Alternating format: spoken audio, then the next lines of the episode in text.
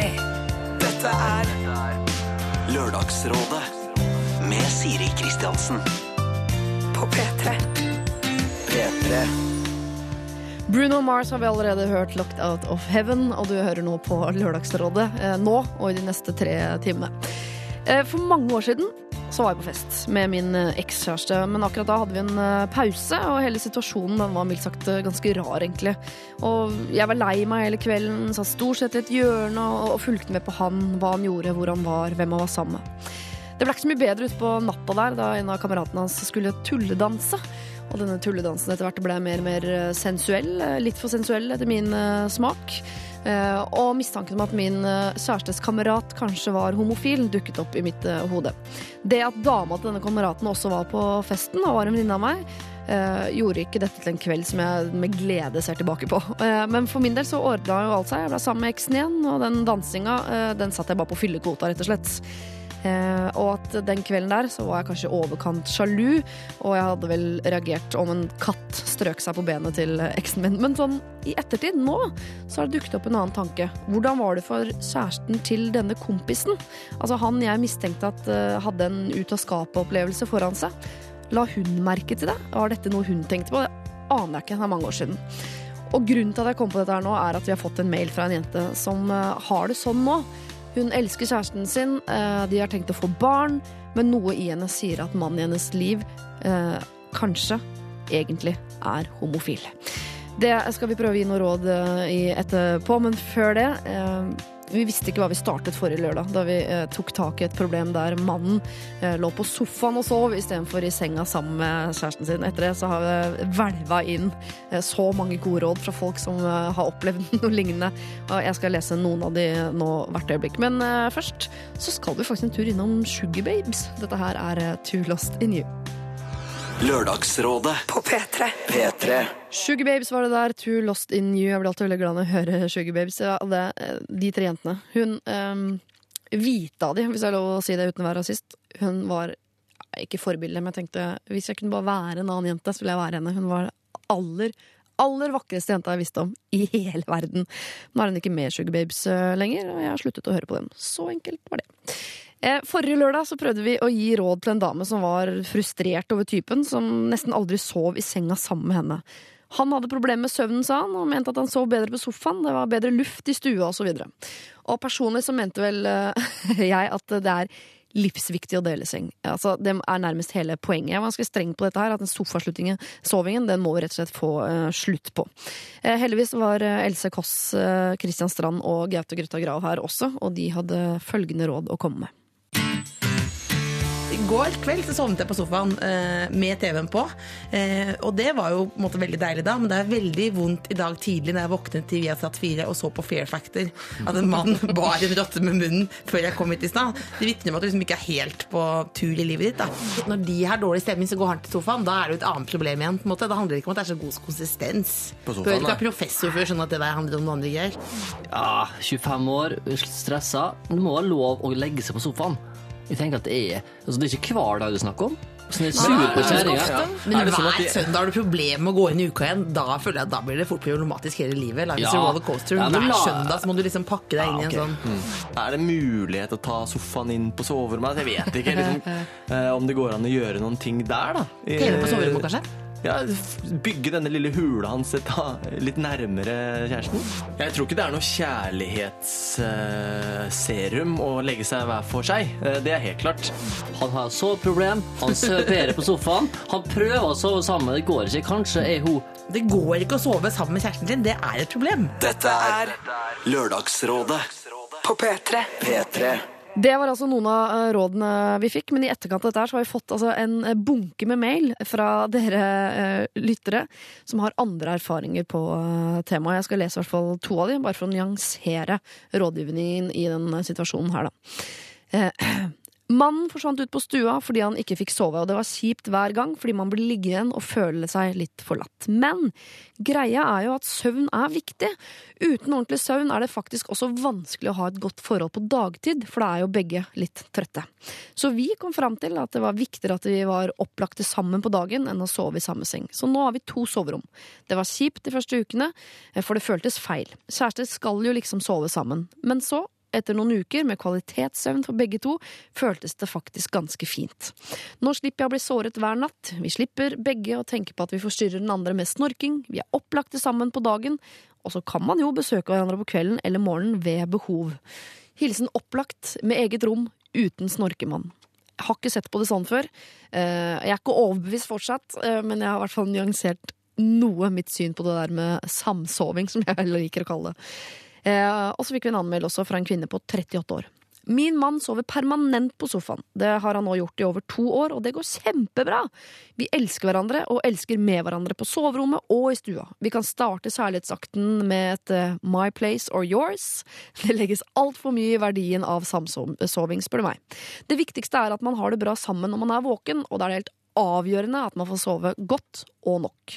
Vi har for øvrig vært kjærester i tolv år og har to barn som sover bak en lukket dør innenfor stua. Det var fordi vi var helt ødelagt av våkenetter at vi ikke lenger klarte å sove sammen, vil si med andres lyder og bevegelser i nærheten. Jeg håper dette kan være til hjelp. Hilsen kvinne 38. Tusen takk. Eh, Da fikk vi inn den siden av saken også. Jeg skal slutte å svartmale og fordømme eh, alle par som sover i hvert sitt eh, rom, noe jeg har gjort så langt i livet. Men jeg liker jo det bastante også, så det er vanskelig for meg å, bringe disse nyansene inn i mitt syn på det der med om man skal dele soverom eller ikke. Jeg, vil jo, jeg anbefaler folk i hvert fall å prøve å sove sammen, da. Jeg liker veldig godt å være koala rundt min lokfører, eller tømmerstokken, som jeg også innimellom kaller han. Og da snakker jeg om han som menneske, og ikke bare en del av han. Eh, LRalfakrøll.nrk.no er mailadressen hvis du har problemer. Eh, send det gjerne inn til oss. Eh, men nå skal vi få sendt inn noe helt annet til oss, og det er dagens eh, rådgivere. Og de får du møte rett etter Kaizers Orkestra og eh, Calvin Harris' Tiny Tempa. Dette er Lørdagsrådet På P3. P3. Drinking from the bottle of your Calvin Harris og Tiny Tempa. Før det er litt mer uh, huslig. Kaizers Orkestra. Drøm videre Violetta. Nå har rådgiverne endelig kommet etter 20 ensomme minutter eh, her i Lørdagsrådet. God morgen, uh, teatersportdronning Helene Mikstvedt. Oi, tusen takk. Det, du får den fortsatt. Men du holder jo på med transport ennå. også, med glede. Ja, jeg gjør det. Vil du heller bli kalt eh, TV-dronning? Nei, jeg vet ikke. Bare det er dronning, så er jeg glad. Dronning Helen Vikstvedt. Ja, ja, dronning. Et eller annet dronning. Bakemester Line Verndal. Ja. Ja, selv om du baker jo ikke selv. Nei da. Får du spist mye kaker? Eh, det ble litt grann når vi holdt på å lage programmet, så må jeg innrømme. Ja. Ja. Ja. Favoritt? Eh, alt som Jeg kjøper hos Pascal. Ja, ok. Ja. Men de var ikke så gode på å lage den der eggekrem med jordbær eh, på Nei, vet du hva? Det, den var, er ikke så lett å lage heller. Nei, det var mye stygge kaker. Og um, Willy Nikkersen. Erik Solbakken. Gratulerer med to nye babyer, eget firma og en ekte av kjøtt og blod. Ikke spør meg hva jeg er mest glad i. Eh, Hva er du mest fornøyd med, da? Jeg er mest fornøyd med er jo den eh, lille, det lille firmaet. Nei, den lille ungen. Ja. Er du mest fornøyd med. Ja. Det er rart. Jeg trodde ikke du skulle bli så fornøyd med noe Det er første gang jeg er sånn ordentlig fornøyd med noe jeg har laga. Ja. Sånn av andre ting, helt, fra, helt tilbake til sløyden, så er det alltid sånn Ja, skjærefjøl, sier du her, liksom. Men det er litt skeivt i kantene og sånne ting. Men så her er det 100% altså. 100% 100% Hva var vanskeligst å finne navn til, da? Firma eller ungen? Helt klart firma. Hva er var vanskeligst å lage? Eh, Det var helt klart firma. eh, altså, firmanavn er, altså det er Det er en øvelse folk, og gjerne venner, kan prøve på. Ja. Eh, det er helt umulig. Hva ble det til slutt? Det blei norsk fjernsyn, Ja. så det, det liker vi. Ja. Utad. Ja, det, og ungen, da. Eh, det blei oppkalt etter oldemor Rakel. Ja, for det er en jente, ikke sant? Ja. Ja. Det heter. Rakel og norske Eh, Norsk fjernsyn. norsk fjernsyn. Norsk fjernsyn, ja. Ja. Eh, det Men vi var på Vi het faktisk Dogfight. i noen Og så var det sånn Og så var det heldigvis en som sa Dogfight, det høres ut som en Ja, du kjenner jo Weber Espeland. Høres ut som en homseklubb. Og da turte vi ikke å hete Dogfight lenger. Nei, for det er jo fire gutter, ikke sant? Det kunne fort blitt Det kunne fort blitt det òg. ja, ja, ja. Jeg syns i hvert fall jeg kan ane at jeg har tre rådgivere i dag som er komfortable med fjas, Ja. men også alvor, ikke sant? Å, ja. Skal vi ta en runde på sivil status? Jeg pleier å like å gjøre det på morgenen. Så folk, mm. dere som får råd, vet liksom hvor det kommer fra. Sånn, vi kan jo ta deg først, da, for du har jo- vært innom det. Mm. Barn. Erik. Mm. Gift. Ja. Uh, men eh, har liker å ta problemer både for meg sjøl og andre. Så jeg liksom det er ofte når du sier gift og barn, så er det sånn Å ja, da han har ikke, kan ikke mene noe, men jeg kan mene ganske mye for det. Så jeg, Kjempe-CV.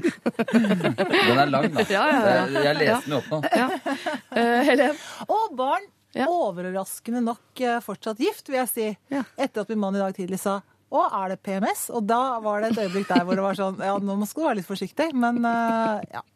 Ja.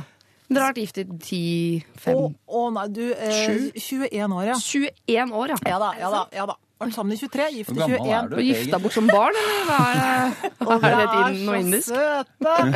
Er jo 49. Har du barn sant? på 21 også? Jeg har barn på bare 7. For at vi rota så fælt med å finne ut av vi, det var ikke, vi skjønte ikke hva det. Vi lagde masse firmaer. så endelig er det dette som blir barn, og da lagde vi det. Ja. ja. Syv år. Og Line? Eh, og barn på syv, jeg jo. Eh, og kjæreste. Ja. Svensk kjæreste sådan, så det blir mye fram og tilbake til Stockholm. ja. Masse. Det er jo lurt. Det er økonomisk også. Ja, veldig økonomisk, men veldig hyggelig, ja, altså. Det er fin by. Fin by. Fin by der. Eh, Kjapp runde. Bare, jeg må plassere det sånn ordentlig hvor dere er i livet. Hvem har hytte? Helen. Ja. Mm. Du er fra Hemsedal, du trenger ikke hytte. Ja, hytte. støl, da, men det er familiestøl. Ja. Ja.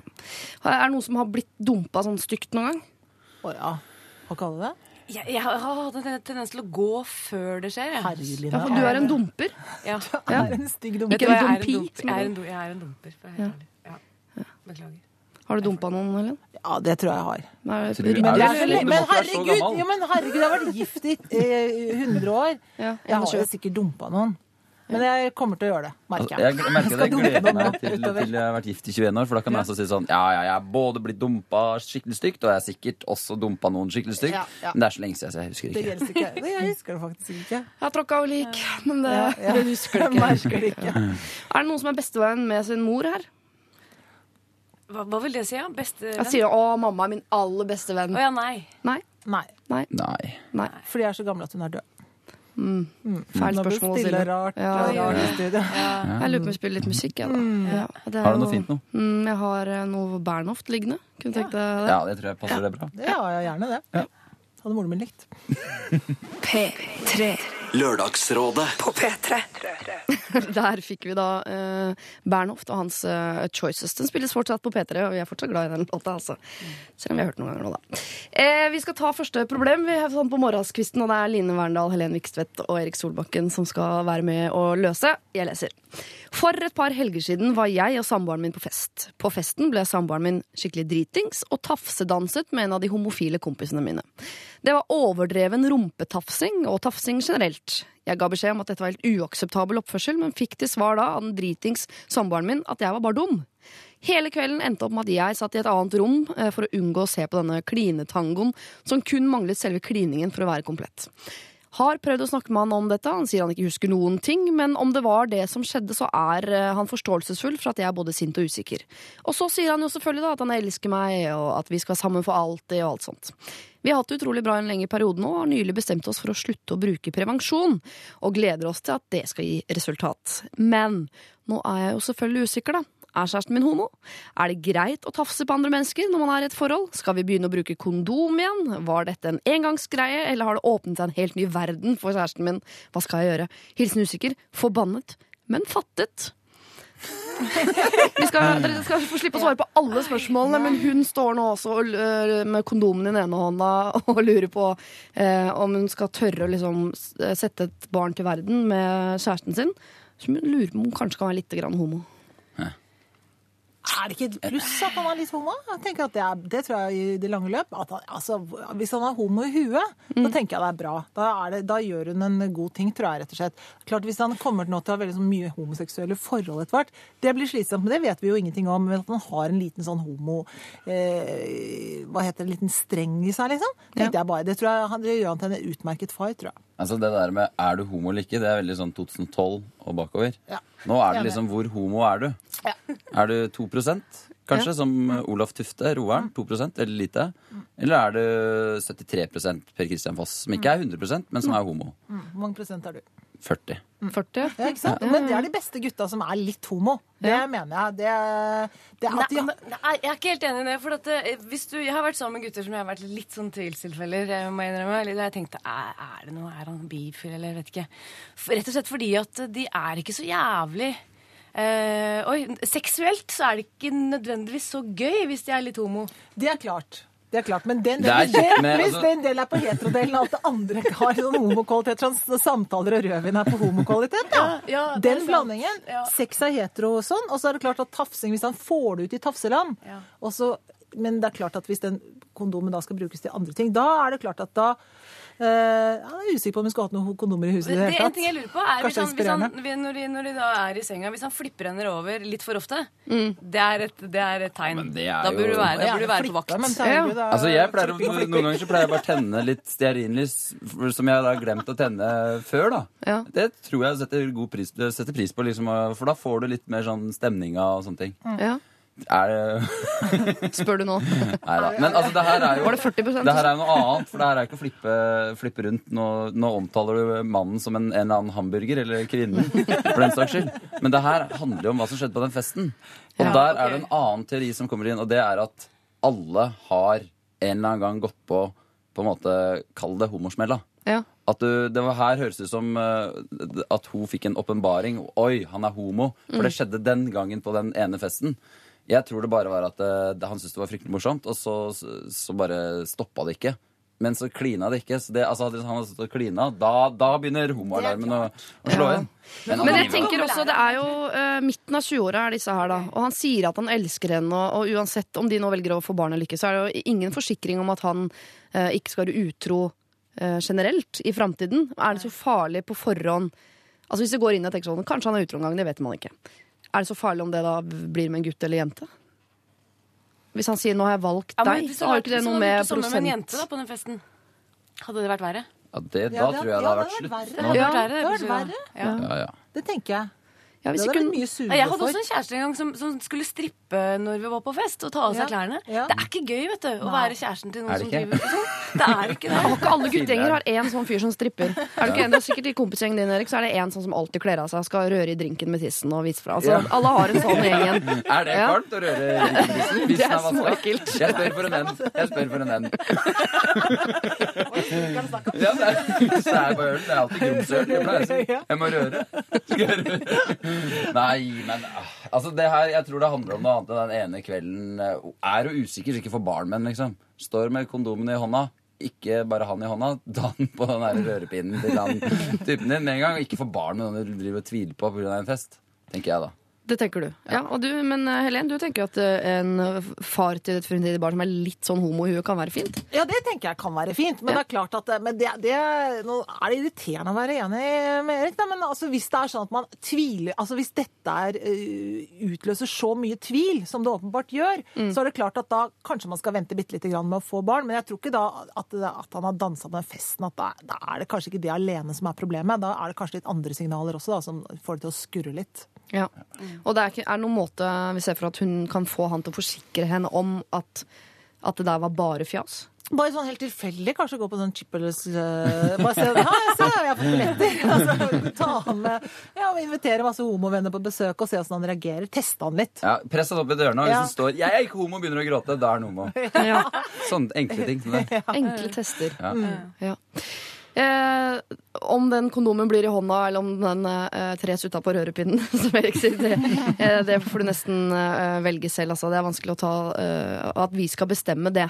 Men at han er litt homo, kan være fint. Eh, men at han er litt homo, det syns jeg ikke du skal gå ut fra at han er, bare fordi han har dansa med en kompis. Men hvis det er flere hendelser, eh, ja, så er det lov å, å tvile litt på typen, er det ikke det? Men snu det til noe positivt, da. Kanskje typen er glad i stearinlys? Det, det å snu det, flippe det over til noe positivt, som uh, Line ville Som hamburger. vi tar imot problemer på mail, vi. Eh, Da bruker du adresse lralfakrøll.nrk.no. Dette er Lørdagsrådet På P3. P3. Carpe Diem, tusen tegninger, og før det eh, fun sammen med Janelle Monet, We Are Young.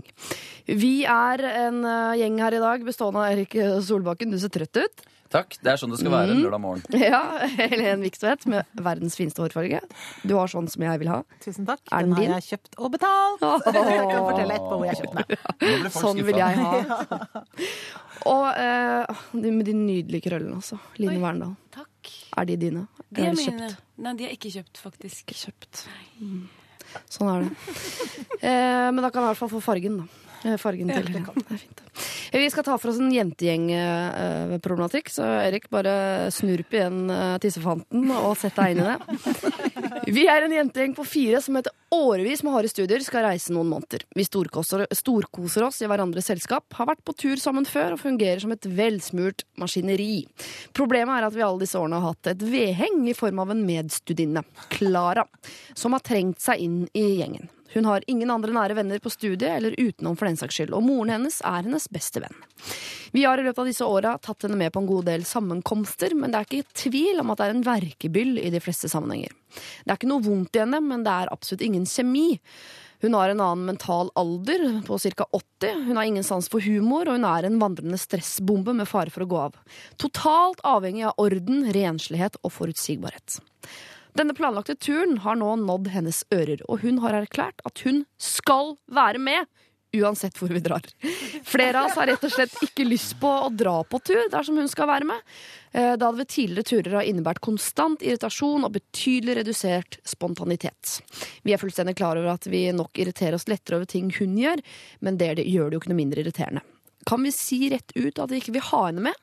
Har allerede forsøkt å skremme med at det kan bli farlig osv., men uten effekt. Andre ideer eller unnskyldninger for å minimalisere skadeomfanget. Med vennlig hilsen reiselystne jenter. Nei, nei, nei. Du kan ikke være med, må man si. Dessverre. Det kan du ikke være med. Må si rett til Ja, stakkars vedhenge. Å ja, men da kan jeg ikke være venner med dere mer. Nei, det kan du ikke. Det var dumt. Nei, ja, hvorfor skal man Det er ikke sånn ja, Kan jeg være med på å leke? Nei, når du er eh, 29, så kan du ikke det. Da må du, da må du leke med de som har lyst til å leke med deg. Det er ikke sånn eh, antimobbekampanje på universitetet. Eh, som det er Nei, kan ikke være med. Dessverre, altså. Det går ikke. Men er ikke det litt slemt? Nå har de jo vært snille med henne lenge, og så har hun trodd at jeg greier, så plutselig er det sånn Er Ja, det vennskapet du har trodd at vi har hatt nå siste fire årene, er bare tull. Ja, det er det dessverre. Og Ja. det får vi bare ta. Hva skal vi gjøre med det, da? Ja. Fortsette resten av livet liksom, å, ha, å være venn med en som du ikke vil være venn med? Det går jo ikke an, det. Nei, nei, de må slå opp. Ja, må De bli må slå opp. Ja, kan man ikke- kan man Jo, men my god! Altså, og jeg, skal, jeg, jeg må ligge med han, for jeg er så syn på han. Nei, kan ikke holde på sånn. Dessverre, det går ikke. Har ikke du gjort det i 21 år, da? Jo, det har jeg gjort, men nå er det slutt. Beklager at det kom akkurat i denne sendingen. Nei, du, det der er bare Åh, nei. Nei, men jeg, jeg får vondt i magen og sånt. For at eh, hvis jeg, hvis jeg skulle vært eh, hvis jeg, henne, da, som har sendt inn her, og, og skal gjøre det mot noen, da hadde jeg godt og hatt det vondt lenge. Altså. Eller vondt i magen. Jeg syns det er forferdelig vanskelig Ja. Å leve med det òg. Um, det fins ikke noen måte å gjøre det på, så man kan liksom snike seg unna det Prøv på. noen flere unnskyldninger, for, for eksempel. da. Ja. At alle må kjøpe noen manneprostituerte i Mexico. At dere legger opp en sånn løype. Ja. Og hvis Alle skal bruke masse narkotika. Ja, det er fint. Vi skal smugle masse narkotika. Vi skal til Bolivia. Og så spør jeg er du keen på det, og bli med på det. Og så hvis hun sier ja, så må dere gjøre alt. Da blir det, jeg lover dere, det blir den feteste jenteturen noensinne. Hvis dere gjør det. For da må dere gjøre det, ikke sant? Må dere Ja. ligge med sånne Plutselig er du stuck i et fengsel da, i Bolivia sammen med en jente du ikke liker. Ja. Får du barn med sønnen til han fengselsdirektøren, og så har dere gående, og så Og så blir Det er vel bare å si fra. Altså, det er jo Det er jo lettere sagt enn gjort. Så, Ja, men, ja, hvordan skal man gjøre det? Skal alle Ja. hele jentegjengen gå sammen da, og stå der mot en stakkars lille sånn Nei, en må gjøre det. Og så må man, man, man må slå opp. Det mener jeg helt alvorlig. Men tar man den, da? det Det er ikke deg, det er meg. Altså, tar Nei, man en sånn si, vet du hva, Nå har vi snakket sammen, vi fire. Vi har lyst til å dra på denne turen her nå. Og, det, og da har vi funnet ut at det er liksom vi fire har lyst til å gjøre det. Og vi skjønner at du har lyst til å være med på det, men det, det passer ikke, liksom. Vi har, det går ikke. Og så kan man si hvorfor ikke det? Nei, fordi at vi, det er vi fire har lyst til å gjøre det. Ja, Ja. men jeg har lyst til å være med. Ja, men det har ikke vi noe lyst til, rett og slett. Jeg Det tror er Hvis de først sier 'vi har ikke lyst men- til at du skal være med', så kommer ikke hun til å prøve å argumentere seg med på turen. Det tror jeg ikke. Det er sikkert å løpe hjem til mammaen sin og ha det veldig vondt. Skriv en mail, da, hvis det er så vanskelig å si det face to face. Men Men man må da- være streit òg, tenker jeg. Det er Mye kjipere å være sånn, finne på ting for å komme unna. Sånn, at det er ikke plass på tog, og vi fikk bare ikke, fikk ikke, Ja, fire fikk ikke sånn fire kupé, og det er ikke plass på hotellet til deg. Altså sånn jukse. Nei, vær streit, da. Så får du klippe hardt av, da. Så får hun finne seg en ny Ja. ja, Nå er det jo en av de som skal reise, som sender mail. Men la oss si at det er hun femtemann som har sendt en mail og sånn Det er fire de skal på tur, og det, jeg får inntrykk av at ikke de vil ha meg med. Ja. Hadde vi vært så strenge med henne da og sagt ja, det vil de antageligvis ikke. Da, da ville jeg sagt at da syns jeg du skal spørre er det sånn at de Jeg får litt inntrykk av at dere ikke vil ha meg med. Hvis jeg i det hele tatt hadde hatt inntrykk av at noen ikke ville ha meg med, så tror jeg hadde kommet meg jævla langt unna. Jeg vil jo ikke være med på en eh, fest som ikke folk vil ha meg med på. Alternativet er å bare være sammen med mutter'n. Det er mentalt 80, var det det de mente? Ja. Interessant. Det, er, altså, det jeg ville gjort uh, altså det, det som uh, merker slår meg litt i bakken, er når, når det blir sagt sånn Vi vi fire, ingen av oss har lyst Ingen. Vi har ikke lyst til å ha med deg.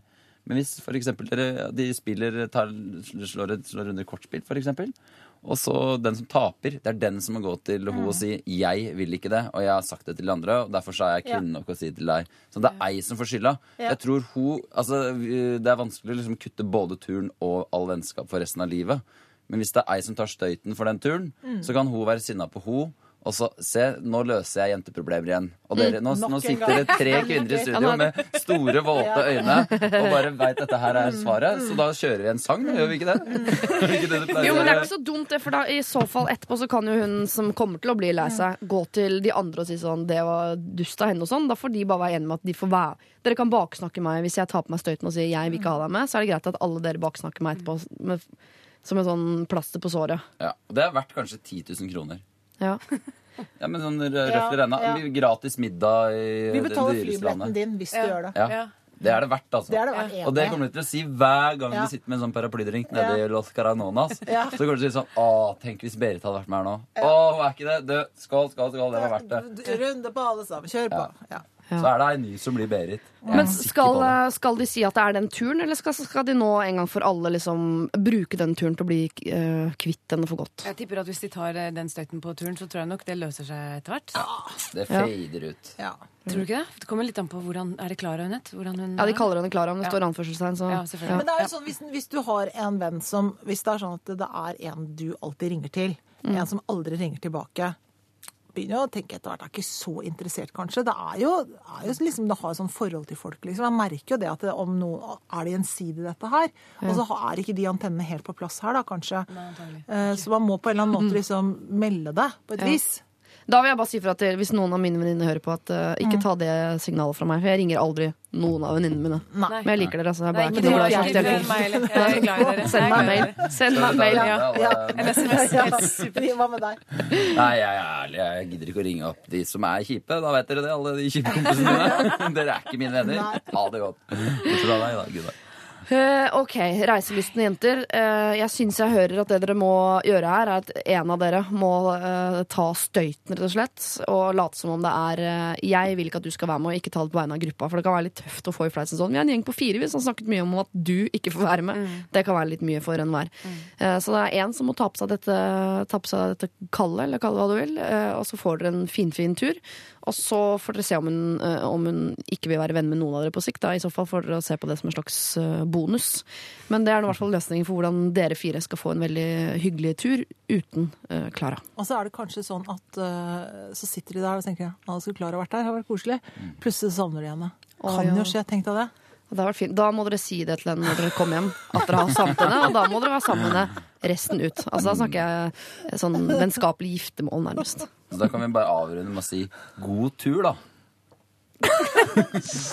Lørdagsrådet På P3. P3. Eva and the Heartmaker og deres eh, Signals, og vi skal faktisk snakke litt om dette med eh, signaler. Vi har allerede snakket litt om sosiale antenner eh, i dag. Line Verndal, Helen Vikstvedt og Erik Solbakken. Og her er det en eh, som jeg føler har litt problemer med også å ta imot signaler. Men jeg skal ikke legge noen føringer på rådgivningen her, altså jeg skal bare lese problemet som har kommet inn. Fra oktober til januar datet jeg en bra mann som bor i en annen by. Han var ofte her i min by i jobbsammenheng, og det var veldig hyggelig. Etter nyttår virket han litt kjølig på meldingene, og forrige gang han var her, sa han at han måtte slutte å date meg, for han var ikke forelsket. Jeg har ikke snakket med han eh, siden det. Jeg skal nå til hans by med jobb i noen dager, og er usikker på om jeg skal sende han en melding og spørre om vi skal møtes. Nei. Det, Drit i det. ja. Eh, hvor- hvor- Hvorfor det, egentlig? Ja. Hva var det du skal da? Hva tenkte du skulle da? Tenkte du at du skulle liksom se om hei og ja. Hilsen sadist82. Ja. Det er litt sånn, altså. ja. Nei, kan hun få noe godt ut av det? Antagelig ikke. Men Vil hun ha han tilbake, da, kanskje? I og med at hun tenker på det her? Det er jo det. Ja, det er jo det. Tenker jeg at Kanskje hun han slanka seg 20 kilo og vil møte han. Ikke sant? Det vet, Ja. vi vet jo ikke. se på meg nå. Ja, Men ikke eh, sant? nei, jeg vet ikke. Det beste er å satse på. Gå ut på den eh, fineste, porsaste uteplassen i den byen. Ja. Og så bare er du den kuleste i klubben. Det er jo ikke så vanskelig. Den oppskrifta ligger på internett. Og så bare Da kommer han tilfeldigvis inn, og da får du akkurat det du vil.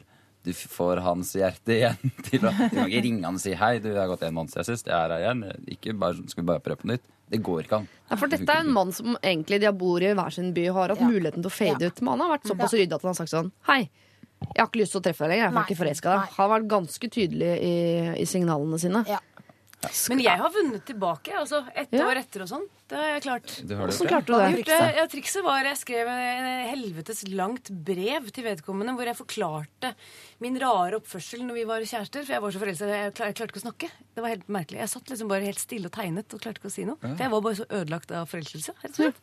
Eh, og så ville jeg bare forklare hvorfor jeg hadde vært så utrolig teit eh, sist. At jeg var så forelska. Og så eh, skrev jeg en monolog eh, som jeg fremførte på en revy som jeg var med på, som het 'Kjærlighet eksisterer ikke'.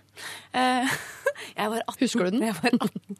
Eh, men da, men da, da det, det resulterte i at han tok kontakt igjen. Altså. Vi ble sammen igjen. Ja.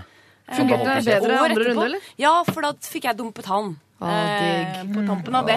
Så ble jeg ferdig med det, liksom. Det høres ut som en god film. Det er superdupert. Men hvis det er sånn da at du har sittet kjempestille og tegnet, eh, så, eh, og du tror at det kan være grunnen til at han ikke var sammen med meg, da ville jeg, gått for, da ville jeg skrevet en monolog.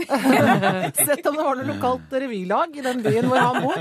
Sett om du kunne få framført den monologen. Invitert Det var sånn Du ikke sant? Du tegna en skikkelig slem tegning, og så står det 'det er slutt'. Og så Nei!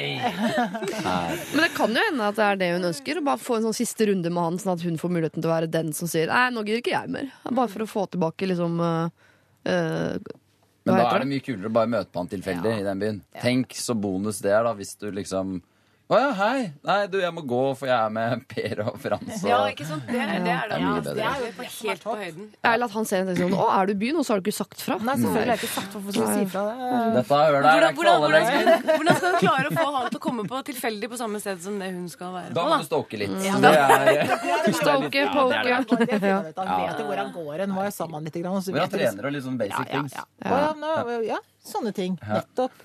Hun vet sikkert en del ting om han. Hun virker som hun er ganske opptatt av han. Ja. Så noen ting vet hun bare sånn ut fra Facebook eller noe. Du, ikke send han en uh, melding. Vi syns ikke det. Uh, men men hvis du har Men stoke han, det er kjempe Eh, Hvis du får noe trøbbel med det i ettertid, så si til politiet at det var Lørdagsrådet sin skyld. Vi tar det, vi også. Men du må gjerne dra dit. Hvis du ser han, så prøv, prøv å være liksom finere enn sist og kulere enn sist, og, og komme litt sånn på høyden. Men ikke, ikke send noen melding. Han har faktisk vært ganske ryddig og sagt fra at han har ikke noe lyst til å date deg lenger, for han er ikke forelsket i deg, da. Sånn at du vet det. Lørdagsrådet har en mailadresse lralfakrøll.nrk.no er det, hvis du har eh, andre problemer du vil dele med oss. Lørdagsrådet på P3. Vi skal ta et kort uh, problem. Uh, Erik Solbakken, som er gift, har vært innom dette problemet. Helen Vikstvedt, gift, har vært innom problemet. Line Verndal, du har vært gift. Jeg har vært forlover. Jeg er aldri gift, men jeg har Nei. vært forlover. Vært forlover. Så uh, vi skal altså inn i et utdrikningslagproblem. Hei, jeg skal snart gifte meg og vet at venninnen min har lagt opp til et utdrikningslag med masse småkjipe aktiviteter som jeg egentlig ikke har lyst til å være med på. Plikter jeg å stille opp på hva som helst, eller kan jeg snakke med dem og be dem roe seg? Ja. Ja, det er jo egentlig, det lurer man på. Hvem er det laget for? Er det for brura, eller er det for de andre? Ja. Hva syns dere? Altså, det er, eh, det er til alle de som planlegger utdrikningslag. For det, det, punkt én dere er ikke så morsomme som dere tror. punkt to ha det gøy. Og eh, altså, gjør, gjør, det, ha, gjør det til en sånn kongedag istedenfor Det er så kjedelig å gå rundt på Karl Johan eh, ti stykker og se på ei som må selge en kondom til en utlending. Det, den ideen veit jeg står på blokka til de venninne.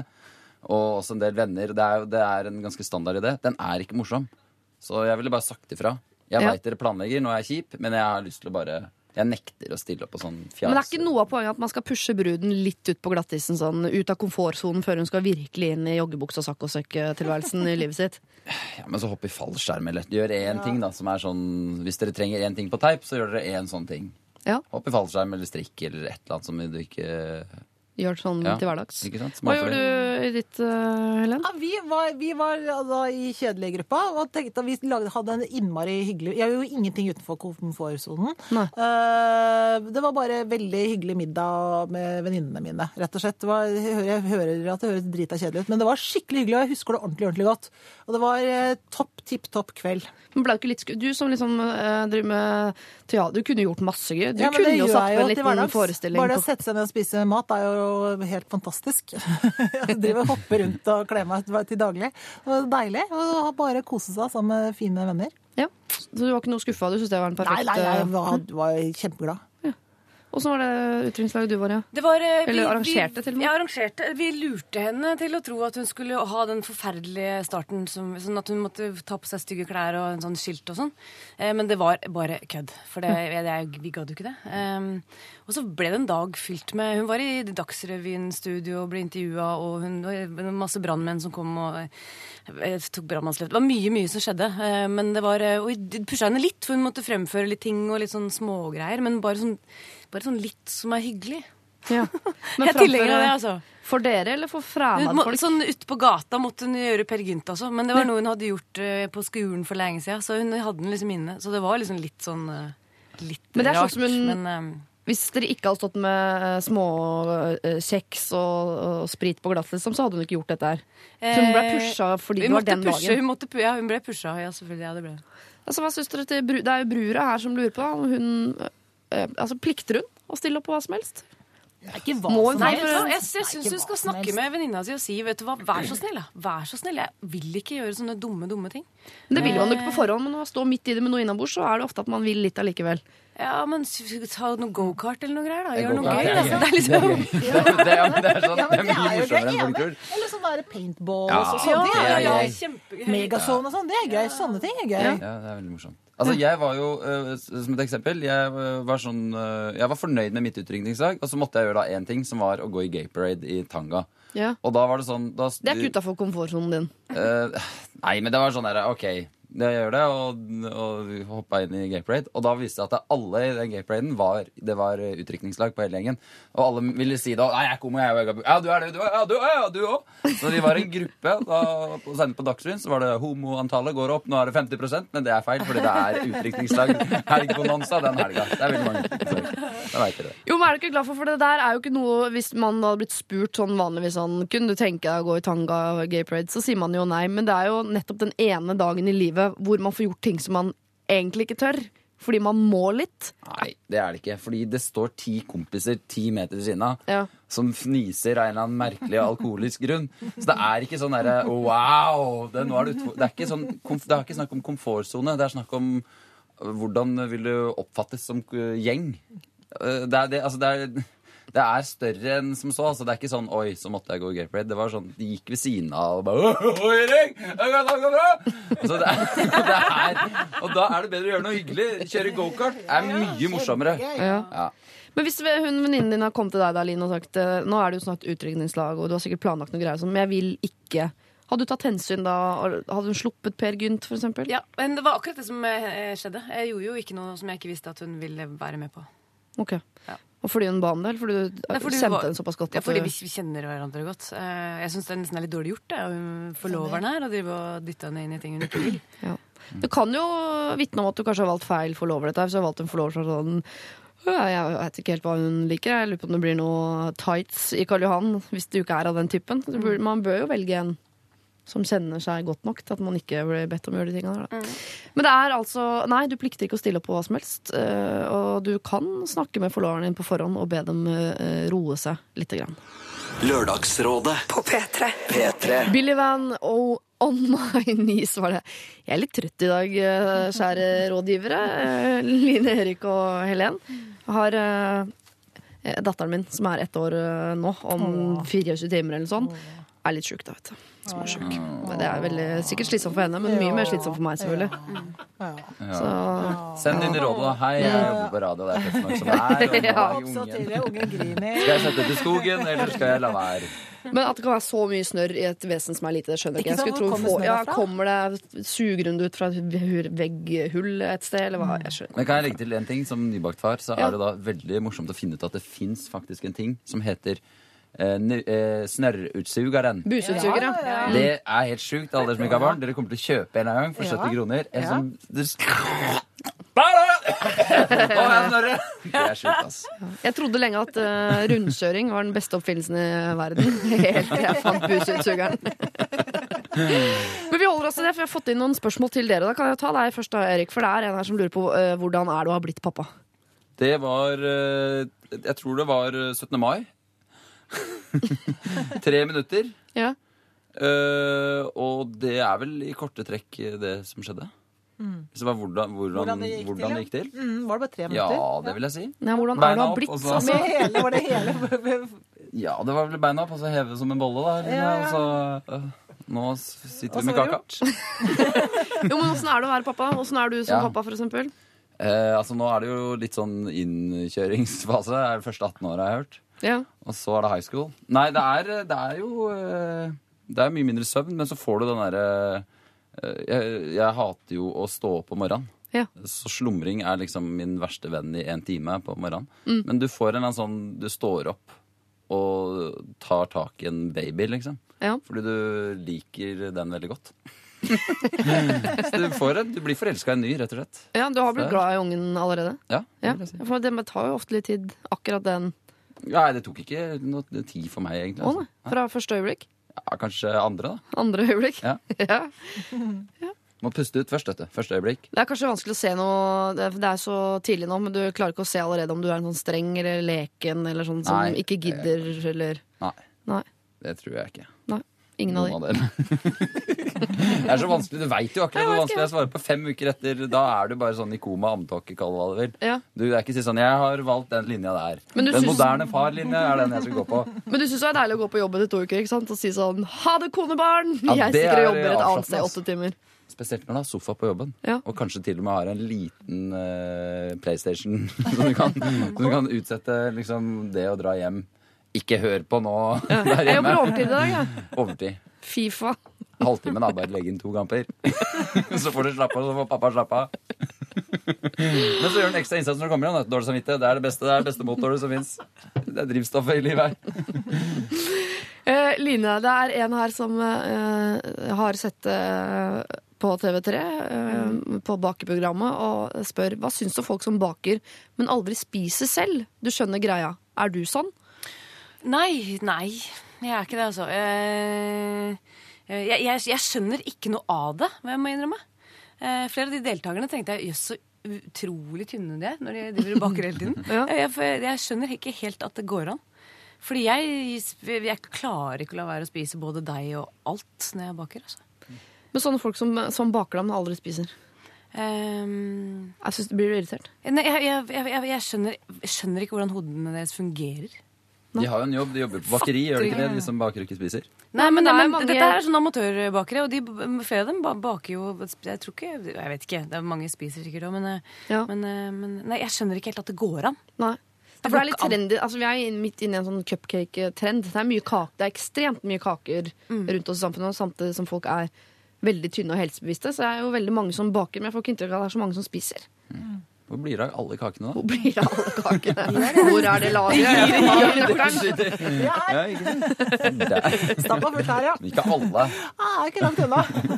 Noen ganger lurer jeg. Men baker du sjøl, da? Eh, ja, mer og mer. Jeg ble, jeg ble inspirert av programmet. Faktisk. Jeg fikk meg en ordentlig kjøkkenmaskin og, og prøver å Men nå er det så mye foreldremøter og greier, vet du, så jeg er hun som kommer på foreldremøte med kake. nå. Det er bare meg, da. Det er ikke noen andre. De andre er kjeks. Eh, men det er hun med kake. Men er det fy-fy, altså Du som har jobba med ekte kakebakere nå da en stund, så er det fy-fy med sånn eh, halvfabrikata, sånn som du bare skal blande ut med olje og Ja. Det er fy. Ja. Det er godt, veldig godt. ja. Men eh, i den kretsen jeg har vært sammen i nå, så er det fy. Det er fy. Fy, fy, ja. Ok, unnskyld, da. Unnskyld, da. eh, Helen, eh, en her som har eh, sendt inn eh, Du har jobbet med utrolig mye forskjellige morsomme ting. Hva liker du best så langt? Du, jeg liker best så langt akkurat det jeg jobber med nå, nemlig samtidsdans. Jobber du med samtidsdans Ja, akkurat nå? nå jobber jeg med samtidsdans. Det er det jeg liker akkurat best akkurat nå. I hvilken? Nei, nå jobber jeg med noe som heter The Line, heter det. Som skal ha forestilling på Dansens Hus. Oh, ja. Mm, nå ble det stille her. For du så ikke den komme? Nei, jeg visste ikke at du drev med dans. Skal jeg Jo, innrømme. jeg driver med dans. Tar du et trinn, eller? Oi, se, hun snurrer. Ja, ja, ja, vi kan si hva vi vil. Møt opp. Hun kan fly! Hun kan fly. Samtidsdans. Ja. ja. Vil ikke si noe mer om det? Nei, jeg vet ikke hva jeg skal si mer om det. Jo, men hvis jeg Er det bare svare- deg, eller er det en gjeng? Nei, det er en, en gjeng. Det er en gruppe. Stor gruppe. Som eh, jeg bare er med som en slags eh, pussig danser. Jeg dansa før masse. eh, masse. Eh, Men jeg har ikke gjort det på mange år, så nå får jeg lov å være med og danse igjen. Det morsomste ved det jeg gjør, er at jeg gjør så mye forskjellig. Det er akkurat det som er det morsomste. Det er liksom ikke én ting. Den ene dagen så er det liksom programlederting. Den andre dagen samtidsdans. Tredje dagen her. Fjerde dagen eh, vet ikke. Blankt. Det er blankt. Blankt i kalenderen. Men samtidsdans akkurat nå også. Akkurat nå. Men er du samtidsdans? Når du dansa, var det da samtidsdans, eller var det klassisk ballett? Nei, det var jazz og moderne som jeg dansa mest. Jazz og moderne. Mm. Ja. Er du fan av uh, So You Think You Can Dance? Uh, nei, ikke så veldig. Er det sant? Nå ble jeg litt skuffa, faktisk. Ja, For det er ja, ja. mitt uh, favorittprogram Er noensinne, Mm, faktisk. mm. Ja, på televisjon. Er det det? Unnskyld, NRK, men uh, TV Norge. Stakk av med første premien. Beklager. Som vanlig. Som vanlig. Eh, vi skal gå videre med problemer selvfølgelig hvert eh, øyeblikk, men eh, før det så skal vi høre Røyksopp med en gammel låt. Dette her er Remind Me. P3. Dette er Lørdagsrådet med Siri Kristiansen. Margaret Berger der og den fantastiske I Feed You My Love. Jeg oppfordrer alle, i hvert fall nå som Erik er her også, til å ha i år må vi ha skikkelig Grand Prix-fest. Dette sa jeg i fjor òg, for jeg trodde vi kom til å vinne med låta som kom på sisteplass. Så så peilinga jeg. Eh, men Margaret Berger, igjen, jeg tror vi kan vinne med den låta. Er du ikke Erik? Ja. Har du noe kompetanse det på er det? jeg er enig. For Kan hun vinne. Har, altså når hun sto på den scenen, Ja. i den uh, hvite drakta, jeg vet ikke om hun gjør det nå, så bare utstråler det sånn pff, energi to the Europe. Men du, når du først er inne på det, for- har dere, har dere sett uh, Margaret Berger i den drakta og hørt sangen og sånn? Jeg har sett Ja, bilde av henne, og så har jeg hørt låta. Ja. Kjempekul låt, men jeg ville revurdert drakta. Ikke for, du, hun ser nydelig ut i den drakta, men du skal tenke at det er ganske stor prosentdel av de som ser på Grand Prix og som stemmer, som er fra østa for oss. da. De kommer ikke til å ta ironi eller retro eh, Ironi har det ikke, ironi er retro. Nei, men det er jo, De kler seg litt sånn nå, så de kommer bare til å tenke at å ja, hun er også på sånn klær som vi går med til vanlig, bare at den er litt styggere. De kommer ikke til å ta den rare preferansen i at dette her er jo helt ute å gå med. Fordi Og jeg synes vi skal klinke på et par silikonpupper og magetopp og så satse på det beste. Nei, jeg tror, jeg tror de bare kommer til mange kommer til å tenke at hun har kledd seg øh, uh, rart, da. Ja. Mm, mens vi syns det er kult. Men jeg tror ikke de har kommet dit ennå. Er det her klesrådet, eller er det lørdagsrådet? Generelt råd. Så jeg er bare Margaret Berger. Funker i Norge. Vet jeg hadde revurdert, revurdert på internasjonale. Her sitter jeg og batikkgreier sjæl og burde vel egentlig bare holde tåta. Ok, vi går videre. Et, Et, et kroppslig problem. Kjære Lørdagsrådet. Jeg er verken sjenert eller redd for å være i kontakt med andre mennesker. Jeg syns bare rett og slett at klemming med folk som ikke er mine nærmeste, altså familie eller egen kjæreste, fører til katastrofalt mange pinligheter. Klønerier og kleinskap, om du vil. Dere kjenner sikkert til den 'oi, ok, ja, du går på høyre, ja, da går jeg mot eh, Å nei, vent, eh, oi, prøver du å kysse meg? Nei, øh, ø, ø. Hun skriver dette, altså. Jeg har prøvd ut et par teknikker for å slippe fullstendig unna selve klemmingen, med delvis suksess. For eksempel har jeg forsøkt å starte å forlate rommet jeg skulle gå fra etter et middagsselskap, før jeg snudde meg og sa ha det, vinket smilende da jeg var trygt framme ved døren. Jeg tar også ofte opp telefonen og later som om noen ringer meg like før jeg passerer bekjente på gata. Disse tingene fungerer noen ganger, de gjør det. Men eh, du har alltid de som roper deg tilbake i rommet etter en, eh, for å få en ha det-klem, eller som bare bykser over deg selv om du har telefonen mot øret. Dessuten skal jo folk faen meg klemme hele tiden. Når vi treffes, når vi skal si ha det, takk for en gave, eller bare eh, for at du dukker opp på den fordømte festen deres. Dette skjer på flere steder med ulike mennesker i ulike situasjoner. Blant de kjipeste. I svigerfamilieselskap. Hvorfor ikke bare svigerfar og svigermor skal ha sitt, men også svigerbestefar og svigerbestemor forventer at du skal bøye deg ned over de rynkete gamle kroppene deres og legge ditt sinn mot deres. Du mister sympatien utover mailen her. kan? Når slutter egentlig vi mennesker å ta hverandre såkalt høflig i hånden? Hjelp! Jeg innser at klemming er noe jeg er nødt til å lære meg å leve med, og når svigerbestemor liker meg så godt at hun vil ha en klem, ønsker jeg gjerne å se det som noe positivt. Eh, Og ikke sitte siste halvdel av selskapet og grue meg til vi skal dra hjem. Så hvordan skal jeg bli bedre på å ikke klovne det til? Altså hvordan kan jeg bli en god sosialklemmer? Med vennlig håndtrykkhilsen student Tinne 22. Hun vil ikke klemme Det var en oss. fantastisk Det, det er krev for en bra Veldig mange morsomme observasjoner og teknikker, ikke Ja. minst. Ja. For Det her er det mange tenker på det her. Er du en klemmer, Erik? Altså, Det er det som har skjedd med meg. Flytta til Oslo, blitt en klemmer. Hata klemming før. Ja. Har jo Fatter'n er fra Sandefjord. Der klemmer dem over en lav sko. Hadde liksom traumer i barndommen. Flytter til Oslo i denne mediebransjen hvor alle går og klemmer på hverandre og er så pokkers gode venner. Så det er ganske vondt. Men jeg har et godt uh, tips, Ja. eh, for det ble jeg utsatt for sjæl. for nå har jeg blitt en sånn klemmer og sånne ting. Og det var ei uh, litt sånn Hun er jo riktignok litt sånn sjef, men allikevel. Hun bare sa ifra når jeg var på vei i sånn bamsebykse, sånne ting. Så sa hun 'jeg er ikke en klemmer'. Å, Sa hun, og da, Ja. det var veldig kult og veldig befriende. For det verste er å klemme en ikke-klemmer. Oh, ja, ja, ja. Det kjenner du. Da kjenner du nakken, liksom. Ja. Så si bare 'ja, jeg er ikke en klemmer'. I'm not a hugger. Du kan si det på en morsom måte. That's not me. Men til svigerbestemora? Hæ? Til svigerbestemora? Jeg har slutta å glemme! Sånn kanskje jeg ikke. Nei, det er verre, altså. Line, er du en klemmer? Uh, ja, Ja. jeg er det også. Jeg, I tide og utide, vil jeg vel si. Uh, for jeg innrømmer at jeg innimellom tenker hvorfor i all verden skal vi liksom klemme hverandre absolutt hele tiden? Til og med folk Vi, vi vet at vi, vi har nettopp krangla, så skal vi klemme selv når vi sier ha det, hvis du skjønner. Ja. Man skal liksom alltid klemme. uh, Med stive smil og late som alt er superdupert. Og det er ikke alltid det er det. Eh, Så det er en litt snodig ting, altså. Er det noe triks for å bli en god sosial klemmer? vet ikke. Altså, Line jeg kommer jo fra klemmemiljø nummer én. Jeg må jo si at teatermiljøet er skikkelig sånn Det er jo Det er tøfler og klemming. Det er tøfler og klemming. Det Koster meg veldig lite, altså. Veldig koselig. Man gir seg liksom bare hen, liksom. Folkehøyskole er jo alltid et godt tips, liksom. Hvis du er dårlig i klemming, ta et år på folkehøyskole. Ja, Der er det gitar og klemming og kos og massasje. Uh, Så det hvis du, og du er 22 år, ja, da er det på tide kanskje en lite sånt opphold der. På en uh, passe avsides folkehøyskole. Så kommer du inn i klemmerytmen. Må bare gi seg hen på en slags måte, tror jeg. Så er det klart at eh, det gamlisklemminga, den, eh, det er noe man må leve med. Det, det kan jo være plagsomt av mange grunner, det. Gamle folk kan jo lukte litt. Eller det kan være mange ting med gamle folk som gjør det ubehagelig å klemme dem. Men du tenker, en dag så er det jeg som får en klem, og da er det mange år siden noen har tatt på meg. Så da kommer jeg til å sette pris på det. Så man tenker det er en gi og ta-situasjon.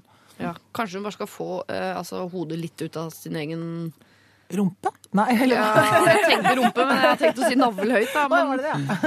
ja? ja, svigerbestemor har lyst på en klem, er ikke det? Jeg skjønner ikke hvorfor dette er så kjempevanskelig for henne. Altså, jeg synes det er så ekkelt. Jeg tenker Kanskje hun burde ta seg en prat med en eller annen profesjonell. Altså, nå er Ja. du 22 år For dette er litt spesielt når du er 22 og det er, du sitter hele selskapet og gruer deg til du skal gå, for da må du gi en klem til svigerbestemora. Da har du et problem, altså. Bare vent du skal begynne å ligge med folk. Du, da, da blir det verre. Igjen der anbefaler jeg folkehøyskole. Men jeg, jeg er en av de som eh, valgte å la være å dra på folkehøyskole nettopp av frykt for den intense klemmingen og fotformskoene som jo ofte er der oppe. Så det, er ikke, det kan virke litt sånn traumat for en ikke-klemmer å dra på folkehøyskole. Men kanskje det er rett og slett det som må til. Altså. Men er det noen, Hun ber om å bli en god sosialklemmer, men kan vi gi en eventuelt noen råd til hvordan man kan unngå å gi klem? Da? Er det noen flere? Hun har jo noen selv, men fins det flere teknikker? på det? Det er første råd. Det er det letteste. ja. Å, ikke ha noe klem av det, sier svigermor da. Eller Liksom. gå med sånn munnbind. Det er signalisere tuberkulose er det Jeg vet ikke, jeg har ikke fått svar på prøven ennå. Man kan si sånne ting. Hvis det er klart at man kan liksom legge ut noen sånne Altså, det- men det Håper det ikke. Jeg tror ikke det er smittsomt, eller jeg er usikker. Man kan si sånt. Ja. På slutten av selskapet. Å gå med munnbind det, eh, I Tokyo, jeg var der i fjor påske, eh, og da kjøpte vi munnbind og gikk med en dag bare for å være en del av miljøet der. Der går alle med munnbind. Nei da, ikke alle. da. en halv million, da. Det er mange. Det er og så prøvde jeg å gjøre det i Oslo. Det var så Det var gøy, det. Da var det sånn Oi, her går jeg for meg selv. Og du, liksom, du bana vei. Du ble som en slags Moses. Oi. Det var veldig altså, var redde av det. Frykt, eller var, var folk folk ja, for? Folk tror jo du er eh, døden der, vet du. Ja, du er døden. Så, ja, så jeg vil si kanskje gå med munnbind. Nei, du kan ikke sitte med munnbind og er veldig god middag, svigermor. Du kan ikke sitte sånn. Vent, da, da fikk jeg sitte gjennom. her. Ja. så surrete. Men om man strekker fram hånda ganske tidlig, altså, siste seks meterne før man møtes, så har man hånda sånn godt ute. Og så det drar folk inn. Jo, men det er det, de klemmerne. Ja, det er sant. Og klemmerne er jo du, sånn at du tror at du som ikke klemmer, har masse teknikker. Klemmerne har også teknikker. Eh, ja, men, jo, men det har de. For at du du kommer med hånda di, og så dras det inn. Og så tenker jeg For jeg er glad i klemming. Det jeg ikke er så glad i, er sånn kroppsklemming. Ja. For det er noen som tenker at det, klemmen er her oppe. Å nei, Den er nedover hele. Hele kroppen skal med i klemmen. Det er ikke jeg så glad i. Da kan jeg kjenne at jeg får en sånn åh. Og du er mer sånn uh, Jens Stoltenberg, sånn klemmer med sånn knekk Ja, Sånn at rumpa er godt ut. Jeg tror at jeg er Jens Stoltenberg hadde klemt helt perfekt, tror jeg. Skal vi prøve på, Jens, om eh, dagen har tid?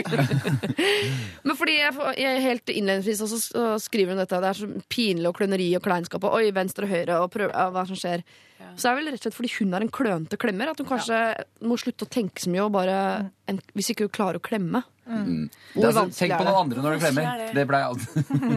Tenk på en veldig en, en fin fyr når du klemmer. Tenk på en trestamme, da. Eller bare altså, øv på bevegelsen. Da. Det er jo mange som kysser med seg selv i speilet. Kanskje hun bare skulle begynne å klemme litt Er det mange på som gjør Det er bare å ha en klar retning. Er det ikke når du møter noen, så bare ha en klar side. Velg en side, og så bare gå for den istedenfor å gå fram og tilbake og holde på og regne med at de andre skal bestemme det. Ja, Være litt sånn som man er i trafikken. Man må bare være bestemt. Ja, nå går jeg til venstre, og sånn er det. Jeg mener sannsynligheten er stor for at man går og møte med høyre kinn. Er dere enige? Og må dere Jeg klemmer tenke kroppslig.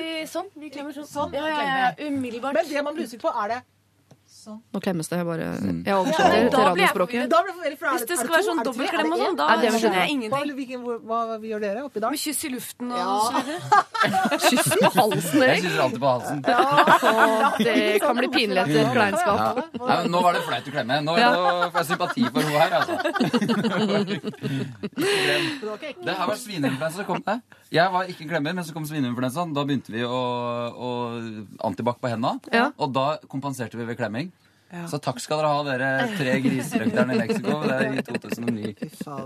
Nå klemmes det over en lav sko. Prøv å kose deg med klemminga. Det er ikke verdens vanskeligste øvelse å, å få til.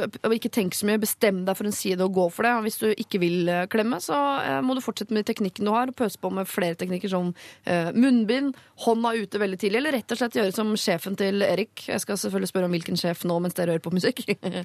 Eh, jeg er ikke en klemmer, er det lov å si fra om ganske tidlig i eh, prosessen. LRalfakrøll.nrk.no alfakrøll, nrk.no er vår adresse hvis du ønsker å sende oss en mail med dine problemer. Så skal vi se om ikke vi kan løse dem for deg. Lørdagsrådet med Siri Kristiansen. På P3. P3. Håkan Hellstrøm er tilbake. Det kommer aldri var over for mig, er hans siste låt. May. Det står mig. Og det er et mye finere ord. Betyr noe annet òg, egentlig. Jo, det er et 80-tallsord. Hva er mig? Er det urin? Mig er det. Jeg må Jeg sier, jeg sier ikke dere må mige. Det er jo det koseligste du sier til noen. Du, jeg, du, det er veldig fint at du sa at du har trøbbel, men jeg må mige nå. Og så går du på do? Hold den tanken, jeg skal bare gå og mige. Jeg syns det er det nest styggeste man kan si om man skulle gå på do. Jeg, jeg må gule, syns jeg er det styggeste. Og så kommer mige på andreplass. Det er koselig å si på påska. Jeg må gule. Graden heller, ikke. Ja, ja, ja. Ryggen er fin. Jeg elsker når jenter sier det. Det er så søtt. Line Verndal var det som sa det. Helen Jeg sa ikke et ord. Jeg bare lo litt sånn flaut. Ja. Vi skal inn i en myr, en skikkelig, altså en eksemyr. Det er så mye ekser her at jeg klarer eh, vanskelig å skille fra hverandre. Men det, eh, vi skal, hvis, vi hjelper hverandre, så tror jeg vi skal klare å skjønne dette problemet til slutt. Ja. Hei, hei.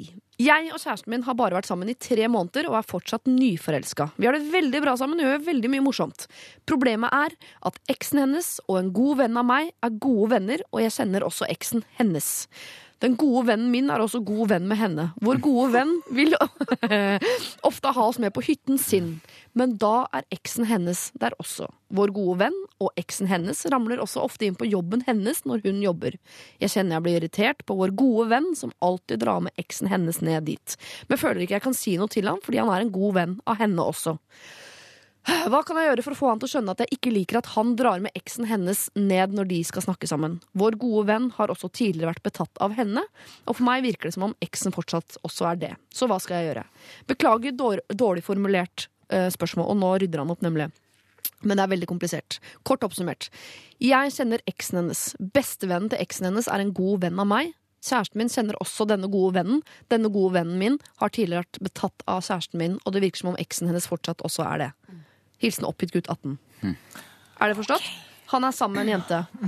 Altså, først så må vi bare si Bestekompisen til innsender har vært forelsket i dama, dama hans, og eh, kompisen til kompisen er eksen til dama hans. Det er bare én eks her. Det er bare Alle én X. Det er bare én X Det er bare én X, men det er tre gutter som eh, eh, med litt tidsforskjell er Ja. forelsket i samme Ja, dame. ja, Ja, ja. Men alle kan ikke kalle ekskjæresten sin for eks. Det er det første problemet i samfunnet vårt. Ja. Eksen her og eksen der, da, det er et godt problem. Nei, ja, fordi vi sliter med X-problematikken. Kall, Ja. Begynn å kalle dere andre ting. Tore, Bjarne, Lise. Å, Hva de het. Ikke sant? Altså, Med det navnet de da faktisk har, eller finne Ja. på et annet Jeg var sammen med? Lise istedenfor eksen min. Alle Ja. har eksen, ikke sant? Ja. Takk for meg. Tygg på det, Bolstad. Tygg på den. Tygg på feltetaket. Ok. Hva er problemet?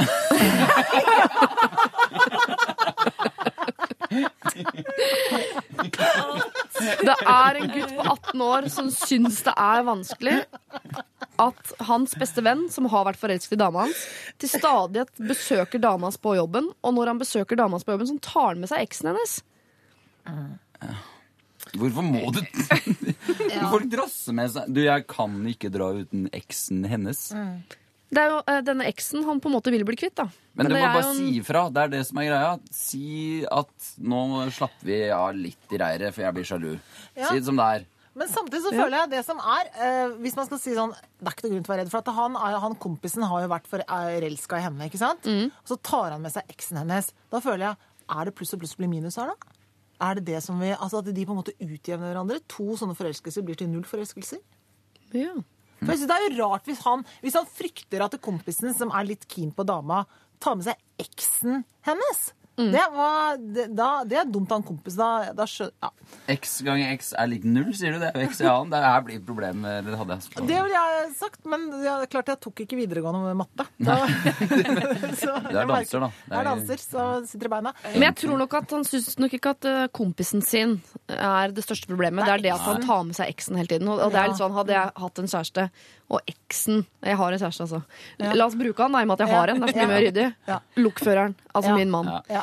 Hvis eksen hans hadde og- vært på besøk til han på jobben og vært innom og vært veldig sånn til stede i vårt forhold, så hadde jeg hentet uh, en istapp. Hadde du, ja? hadde, Ja, Hva hadde det du tror jeg gjort med fort jeg hadde gjort. Opp eller ned? Det er, Istapp det er er, gameshow, det. det er Istapp. perfekte Opp mordvåpen. Eller Ah, Ja, ja vel. Ja, vi pleier å bo hos eksen til mannen min når vi er på tur i Hun bor i New York. Da pleier vi Ja. å bo hos eksen til mannen min. Ja, Men det er på han grunn av 18. huset. Han er 18. Det er litt forskjell. Eksene til lokføreren bor i Moss, Fredrikstad osv. Det er ikke så eksotisk. Så da kan tenke hva jeg er for de ni. Men hvordan har dere kommet dit, da? Kanskje dere kan har noe råd eh, der til den oppgitt gutt? Nei, jeg tror? Line har et poeng her. Han er 18. Det er, det er liksom vanskeligere når, Jo lengre man er sammen, jo lettere er det å tåle ekser. Når man er sammen, Tre måneder er litt sånn tidlig for å ha sånn eks-tilstedeværelse. Ja. Det skal, burde vært en eks-fri sone. Ja, men han har rett og slett bare fått seg en jævlig fin dame, da, som alle, alle hele guttegjengen er keen på. Ja. Eh, vær glad for det, tenker jeg. Det er kult. Finn på ting med henne som er uavhengig av dem. Kos deg i to år, så blir du en eks, du òg. Besøkende på jobben. Ja, kanskje han bare skal la det være sånn, sånn at han har muligheten til å gjøre det samme som de om to år. Ja. Men eh, er det ingen som tenker at han kan ta det med henne? At det er hennes jobb å sørge for at ikke hun er så innmari mye sammen med eksen hele tiden? Ja, men det er litt kjedelig når du er 18 år og sier at uh, jeg er øh, sjalu på en eks eller en som kanskje er keen på det. Altså, det er, jeg skjønner at det er litt stress. Men er det så farlig med jo sånn på jobben? Ja. Jeg syns ikke det her er noe problem. Hvis det hadde vært Det er mer den sosiale Altså hvis det omgås hele tida, ja. da er det jo slitsomt, kanskje. Jeg vet ikke. Nei, det er, Jeg vet ikke, og så er det jo litt sånn hvor, hvis man er et, Det spørs jo litt hvor man bor hen her i verden. Men hvis man bor et sted hvor det er sånn at man går på folk som man har hatt noe med å gjøre, hvis det er liksom en sånn lite, lite miljø, da, så er det noe med at da får man bare tåle det og så tenke heller at hun har jo valgt han. Det er jo de som er kjærester. Ja. Og om de liksom treffer hverandre på jobben, som, som du sier, så er det jo liksom Ja ja, så får det bare være det, liksom. Hun kommer jo ikke til å være Hun har jo dumpa han. Hun er jo ikke sammen med han. Det er en eks. Det er en eks, Ja. nettopp. Og det er ikke, hvis hun hadde oppsøkt han, da hadde det vært problematisk. Ja, ja, Ja, ja. da ville jeg tatt det bra. ja. Ja. Kan vel heller kanskje bare Kan ikke de to De har, gjør mye morsomt sammen og har sikkert en kul tone. Kan ikke de ha litt sånn kameratslig tone på sånn Herregud, sånn nerd han eksen din er som ikke klarer å løsrive seg. Er han helt At de får en sånn tone på det. Ja, eh, oppgitt gutt 18. Vi er litt uh, oppgitte, vi. Det, er, det, er mye, det er mye greier her. Men det, du må ikke fokusere på det. Du må fokusere på at du har blitt sammen med en eh, veldig ettertraktet jente. Eh, kos deg med det, og hun har valgt eh, deg. Og du får bare den, ek, Han fader ut etter hvert. Hvis, ikke så får du, eh, hvis ikke så får du si som Erik sa her, at jeg er sjalu og syns det er vanskelig. Så får du se om det har noe effekt. Om du da skal si det til henne, Nei, eller til forholdet. han eller han eller han eller han. Jeg sier som Marie Haukås Mitte, hold on, be strong. Det er det, det, er det beste. rådet. Lørdagsrådet hver lørdag fra 9 til 12 på P3. P3. Edvin Collins' favorittlåt 'A Girl Like You'. Jeg blir ikke lei den låta, og sånn er det. Eh, vi skal ta et eh, problem Altså, det er ikke egentlig et problem, dette her, men det er noe som uh, trenger en uh, ekstra stemme inn i forholdet på hva de skal gjøre. Meg og min mann trenger sårt deres hjelp. Vi er gift, har to barn på fem og to og et halvt. Nytt stort hus og gode jobber med over gjennomsnittet av inntekt. Bor i en liten by på Sørlandet og nyter livet og hverdagen. Vi er begge i starten av 30-åra og sitter i vårt livs største dilemma. Skal vi ha barn nummer tre, eller skal vi holde oss med disse to vi har nå? Det er så utrolig mange argumenter som veier for begge deler, at vi ikke føler vi kommer til å klare å bestemme oss. Og der kommer dere inn i bildet. Hva gjør vi? Dere skal selvsagt bli løpende oppdatert om, går, om vi går for at vi får barn nummer tre. Det er jo da i så fall på den positive skalaen for vår del, da. Vi, eh, vil vi gå gjennom tre år til med slit, inkludert svangerskap? For det er jo eh, ved to års alder at ting begynner å roe seg. Eller skal vi nyte livet som det er nå? Skal vi gi våre barn et søsken, slik at flokken teller tre, og de har flere å støtte seg på når de blir voksne? Vær så snill å gi oss et svar. Her føler jeg vi har nesten eh, litt makt. Så her er vi fire stykker som kan være med å bestemme eh, fremtiden til denne familien, om det blir en to- eller trebarnsfamilie. Og da må vi bare basere det på synsing. Altså. Det blir synsing her. Man angrer jo aldri på at man har fått et barn. Nei vel. Sier hun som har rett. Jeg holdt på å si det, så er det ikke sånn som er, men jeg vil ikke si det likevel. Nei, man angrer aldri på, eh, man angrer aldri på et barn. I hvert fall ikke i lengre perioder av gangen. Så du går for nummer tre, da? Jeg går for nummer tre. Jo flere, jo bedre. Bli en stor familie. Ja. Helen? Nei, jeg er usikker. Jeg tenker i det, det at man liksom stiller seg det spørsmålet, da føler jeg allerede at man liksom er der at man tenker at nei, vet du hva, dette her tror jeg ikke helt eh, Det er så fint som det er nå. Hvorfor skal vi begynne å dra på noe mer her nå? Det tenker jeg hvis man hadde Hvis det hadde vært eh, Hvis det hadde vært riktig, så hadde det vært mye lettere å ta det valget, tror jeg. Ja, for det, det, akkurat den følelsen, det var en sånn diffus følelse, men nå satte du virkelig fingeren på noe essensielt her, altså. Det er år med erfaring, eller? Ja, vet du hva? Takk skal du ha. 21 år. Men det var sånn her, det er litt sånn Jeg eh, har trent mye, eh, og så er jeg litt usikker, fordi trening er kjedelig, det er slit. det er sånn Åh, det er slapp, jeg har ikke lyst. Altså, De har jo ikke lyst på et barn til, høres det ut som. De har bare lyst til å kose seg. Da koser du deg. Det tenker jeg, Så enkelt er det også. Når de var Altså, nå legger du fram Enten så får du et barn, så får du ikke, men når du liksom eh, vi vurderer en til, og her er de negative sidene. Åh, vi har ikke lyst, står det mellom linjene. Føler jeg, da. Takk for meg. Ja, men, ja nei, jeg, jeg mener at man like godt jeg, jeg hadde jo ikke lyst på barn, jeg heller, og så fikk jeg det. det jeg ble veldig lykkelig av det. Men du sendte ikke Ja. inn en mail til Lørdagsrådet? Og... Skal jeg ha skal jeg få? Nei. Nei, jeg tror ikke jeg hadde fått det hvis jeg hadde kunnet eh, velge. For Går det an å få, da? Altså adoptere bort hvis det Eller er det litt hardt å si? Ja, om det er noen returer på babyer, da Det er alltid sin utvei, men Jo, men de, sier, de koser seg veldig sånn som de har det nå. Og da er jeg med på tanken om at hvorfor, hvis dere har det skikkelig fint nå, så hvorfor bringe et nytt element til bordet? Det er jo ikke et savn her. Det er liksom ingenting som mangler. Eller ikke noe. Det har nesten vært annerledes hvis det var at de hadde én og lurte på om de skal få nummer to, for der er det noe mer var liksom, det tenker. Herregud, så heldige dere er, da, som har det. Er ikke det fint, da? Men når man sitter der og vet hva ba- barn innebærer, så er det vanskelig å ta den, eh, bestemme seg for om man skal ha en til uten at man er klar over de negative sidene ved å få barn, selvfølgelig. Så det kan jo ikke vente til Altså, Det kommer jo aldri til å komme en situasjon hvor det er sånn en til, ja. Det er null problemer involvert. Jeg har ikke et punkt å sette på nei-lista i forhold til eh, å skulle ta det valget. Så jeg syns jo Men å, nå fikk jeg et eh, råd. Det kom innenfra. Ja. Eh, nei, nå. Altså, det er mye lettere å, å bestemme seg for noe, for det er det de sliter med. De går sånn diffust på Sørlandet, og sola skinner, og vi altså går og sliker iskrem og har det fint. Og så bestemmer de seg ikke for noe. Så jeg ville bestemt meg for nei, siden de er usikre. Og så er det angrerett på nei. Det, er, det tar tre og et halvt minutt, så er du på ja. Men det går ikke an å gjøre motsatt. Altså det hvis du har liksom tatt et Ja. standpunkt nei, vi skal ikke ha barn, og så kjeder de seg et halvt år, og så finner du ut det var barnet vi måtte ha, og så kan de kjøre på. Det er bedre. Takk for meg. Vær så god Nå må jeg gå. God påske. Jeg elsker dere. Jeg glemte å lese eh, underskriften her. Det står 'Lykkelig par med to, snart tre barn'. spørsmålstegn. Så det er jo noe De har litt lyst er på tre på vei, tre. da vil jeg Jeg, jeg, jeg syns jeg hører at de vil ha barn. Vi skal holde dere oppdatert osv. Liksom. Det er Ja. ja. et eller annet Ja, men det er koselig. Jeg har bare lyst til å, ta, bare lyst til å dele med dere en liten historie som jeg har fra mine Det er ikke fødselen? Nei, det er, jo, den kom etterpå, men fra mine gode venner i barnehagen. Nemlig som eh, hadde to barn, ble gravide, og så var det sånn Oi! Gravide, ja. Uh, ja, jo jo, men OK, kjør på. Mm. Lille julaften, er det ultralyd? Å nei, du, det er tvillinger, ja. Så da var det, gikk vi fra to til fire. Og de, uh, de har vært bleike nå i tre år. Ja. De, er, de er blodfattige, hele familien er bleike. De er så slitne. Bare ha med dere det, da. Ja. Og statistikken også. Hvis dere har Ja. to nydelige barn, og det er Ja. mye som tilsier at tredjemann får kolikk. Og det som var er. ja. Masse statistikk på det som jeg har lest et eller annet men jeg har ikke noen linker til det, dessverre. Eh, eh, Line, du går for ja til barn nummer tre. Ja. Mm. Erik går for nei. Ja. Eh, Helen jeg- går for nei. Går for nei, Det ser ja. jeg ganske tydelig. Ja, ja, ja. Ja.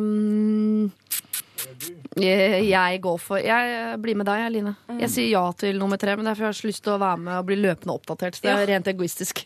Jeg vil se åssen det går. Jeg vil se om det var Line eller om det var Erik og Helen som hadde rett i utgangspunktet. Men det var det hun ville høre. To ja, to nei. To ja, to nei. Fra Supperådet. Vær så god. Kos dere med Så da er vi tilbake på, på, der vi var, da. Med andre ord. Hun kan gå for 100 ja, 100 nei, om det kanskje Men jeg syns det er veldig lurt å ta et eh, Det må gjerne Altså, vi går for både ja og nei her, men jeg syns at dere faktisk å gjøre som Erik eh, sa, og gå for nei. Og så kjenne på om det er feil om en, noen måneders tid. Ikke sant? Det er tre nei. I dag er det tre nei. Nei, Jeg vil at dere skal få det tredje barnet, men dere må bestemme dere for å ikke få det. Og så får dere det etter hvert, ikke sant. Hvis du skjønner. Eller alfakrøll nrk.no er så deilig å si når jeg ikke vet hva annet jeg skal si. Det er i hvert fall mailadressen vår. Dette er Lørdagsrådet På P3. P3. Paramore var det, og deres eh, Now. Og før det hørte vi Goatee og Kimbra, 'Somebody That I Used To Know'. Eh, dagens eh, rådgivere er Erik Solbakken. Gratulerer med eget firma igjen. Vi har snakket så mye om det firmaet ditt i dag. Jeg husker ikke hva det heter. Norsk underholdningsbransje eller et eller annet. Ja, noe sånt. Norsk fjernsyn. Norsk fjernsyn. Du får ikke jobbe der. Nei, Men det er fordi vi ikke har penger nok til å ansette deg. Så du er dyr. Ja, stemmer det. Jeg er veldig dyr i driften. Drikker så mye kaffe. Eh, Line Verndal, som eh, Du er jo ferdig å bake. Er ferdig med å bake, ja, for ja. oss som ser det på TV, så virker det som om det er nå. ikke sant? Ja, det er det som er magien ved TV. Ja, hver uke baker jeg en dag på mandag. Nei. Og Eileen Viksvedt, som jo danser moderne contemporary om dagen. Contemporary, Yes, yes. sir. Vi skal ta et lite arbeidsrelatert eh, problem som Ylva har sendt inn, og hun spør Hei, på arbeidsplasser og blant venner er det hyggelig å si fra om ting hvis noen har buksesmekken åpen, buse i nesa, lappen utafor, noe på nesa osv. Når man har kollegaer som bruker slør, skal man da si fra om noe av håret er utenfor? Når noen f.eks. har jobbet hardt og er stressa og litt av håret syns? Det er ikke lov å vise noe hår. Hva er Er slør? er det- slør? Hva Altså burka, vi snakker burka. Vi snakker eh, burka, som jo brukes blant annet for å da uh, skjule nettopp håret. Og hvis det er utenfor, så er det jo Alt håret var inni. Er det, det, det er det jeg ikke vet, for jeg kan synes- det ikke være. Ofte så er det jo litt hår utenfor, er det ikke det?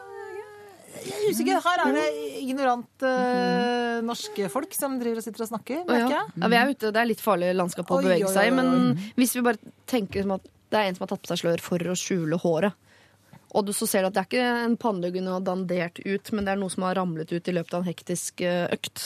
Jeg mener man som prinsipp bør være litt sånn forsiktig med å påpeke avvik ved religiøse klesplagg. Ja. Eh, Ja. din er på snei, eller altså, Man skal være varsom med det. Ja. Skal man ikke det? For at man skal sånn, som vi da åpenbart ikke har, litt sånn kjennskap til hva, hva er det som er normen her nå, Mm. for å kunne påpeke eventuelle avvik. Eh, Jøde, du har stort hode. Nei, Ja. det er lua som er liten. det er lua som er liten. Mm. Så hadde, har de ikke lue i større størrelse. Jo, Kan, kan, kan ikke regelen være at man sier fra på ting som er sånn hvor, hvor alle stirrer på den busa, eller hvor den eh, sminken som ligger under? Da bør man si det. Det er trikset. Det er Men, å men når det ikke ikke er sånn. noe viktig så veldig, Det er ingen som stirrer på det håret og tenker Oi, Ja, for det er jo ikke oi, kleint for noen av oss at det Nei. håret syns, men Nei. tenk hvis det får jeg holdt på å si, avsender eller den med håret ute at Og igjen, nå snakker jeg også ut fra ignoranse, at det er litt som om litt av testikkelen syns. Hvis du skjønner? Er det det? Er det- Jeg gjør den det? At litt, nå henger litt av tissen din utafor buksa. Hvis det er så flaut, Unnskyld, jeg går med shorts, må jeg si da. hvis du har gått med håret utafor i timevis og går på badet, så er det virkelig Så tenker man sånn For det er ingen som har sagt dette. Ja, jeg har vært halvnaken på jobb i hele dag, og ingen har sagt noe. Altså, det det går an å gjøre Jeg hadde en kollega som sa ifra at han er en buser. Altså at han har en buse sånn i tuppen av nesa. Og da sa han det på et møte. Eh, si ifra. Jeg orker ikke det greiene der. Eh, men det sa du bare fra den dagen. For dagen etter så var det sånn Da var det sånn inni det store, tomme hodet mitt så hørte jeg sånn Skal jeg si fra at han har en buse nå? Men det jeg gjorde da, utvikla mitt eget kroppsspråk litt sånn. At jeg tok tak i en uh, fiktiv buse i min nese. Der Ja. var det ingen buse. Aldri. Men da skjønte han Da kjente han på sin egen kropp Jeg har en buse. Har han så ofte busser? Det var ofte, altså. Herregud, for en Du buse. kjenner når jeg skal si hvem det er etterpå. Men, eh, og det kan det samme vi kan gjøre med hår. Kan liksom, mm, jeg setter på plass sveisen min, har falt på Men jeg tenker at det, det, det her, dette er en gyllen anledning nettopp til å bli litt mer opplyst. Ja. Og si du, er det sånn at alt håret må være inne, eller åssen er det? Eh, Rasist ja. hører du tilbake da. Nei, Nei. nei, nei, det tror jeg ikke. Jeg, nei, bare et fint svar på det. Eh, ja, nei, det er, ja, det er det, sier kanskje hun. Å ja, for at det er litt utenfor. Er det greit, eller? Altså, da, Det var en kjip måte å si på. Å ja, for du har litt nei, ja, nei, ja, jeg tenker det er liksom Det er jo bare å spørre, er det ikke det? Jo, eller vil, vil du at jeg skal si fra når At man må spørre om det? Ja. Det hadde egentlig interessert meg. Skal jeg spørre om neste gang? Skal jeg spørre? Må alt være inni? Skal jeg spørre? Eller jeg kan google når jeg kommer hjem. Så Men skal hun da spørre med masse folk til stede? For tenk hvis det da er skikkelig flaut at håret er utafor, og så har du spurt om det i et sånn åpent rom. Eller skal man ta til side sånn? Men skal du si det hele tida? Sånn, er det din religion? religion? I religionen din så er det vanlig med svette. Pleier du å si sånne ting, liksom? Hvis det er en vanlig bonde fra bygda? Ja, pleier å si jaså. Det er Ja. Det er, svettefolket. det er, det er plassen. Er det svettesekten som har kommet? Har alle sånn kottebrikke der du, du kommer fra? Ja, ikke sant? Hvilken religion tenker du på nå, Erik? Er det en egen religion? Selve med- livet. Ja. Religion, Livet. Ja, for der er det så mye kåteblikk. Men jeg mener at jeg har sett eh, muslimske kvinner som har liksom gjort, tatt og justert håret sitt sånn. At de gjør sånn under sjalet sitt og liksom justerer det til, men liksom tar det på Jeg har jo sett det. Ja. På Grünerløkka så jeg ser jo masse muslimer som driver og ordner med hårpryden sin. Det er jo det, de driver. De er jo ikke, de er jo ikke sånn det er ikke sånn 'Å, guri malla'. Jeg tror ikke det er sånn. Det er ikke som å gå liksom uten genser, liksom toppløs. Det er ikke det. Nei. Jeg tror ikke det er på det nivået. Så ikke uh, dette Ylva, som hun heter, da. Det er ikke som å gå uten genser. Men hun kan jo spørre, da. Vil, ønsker du at jeg skal si fra når håret stikker utenfor? Eller hvordan er det? Dette kan jo være Nå føler jeg meg som sånn lærer i sjette klasse. Dette kan jo være altså, muligheten til at dere blir gode venner, og vips, så sitter du hjemme hos familien hennes og spiser chapati. Hva vet jeg? Det vet man ikke, da. Ylva, eh, ta og spør om du skal si fra. Rett og slett. Eh, Og det er jo det du har gjort. Men du har spurt oss, og det er veldig hyggelig, det, men du må spørre henne, rett og slett. Du må spørre vedkommende det gjelder. Og det er et godt råd i nesten alle problemene vi får inn, men her syns jeg det blir ekstra tydelig, da. Vi går videre med uh, Avicii og Nikki Romero. Dette er uh, I Could Be The One. P3 Lørdagsrådet på P3.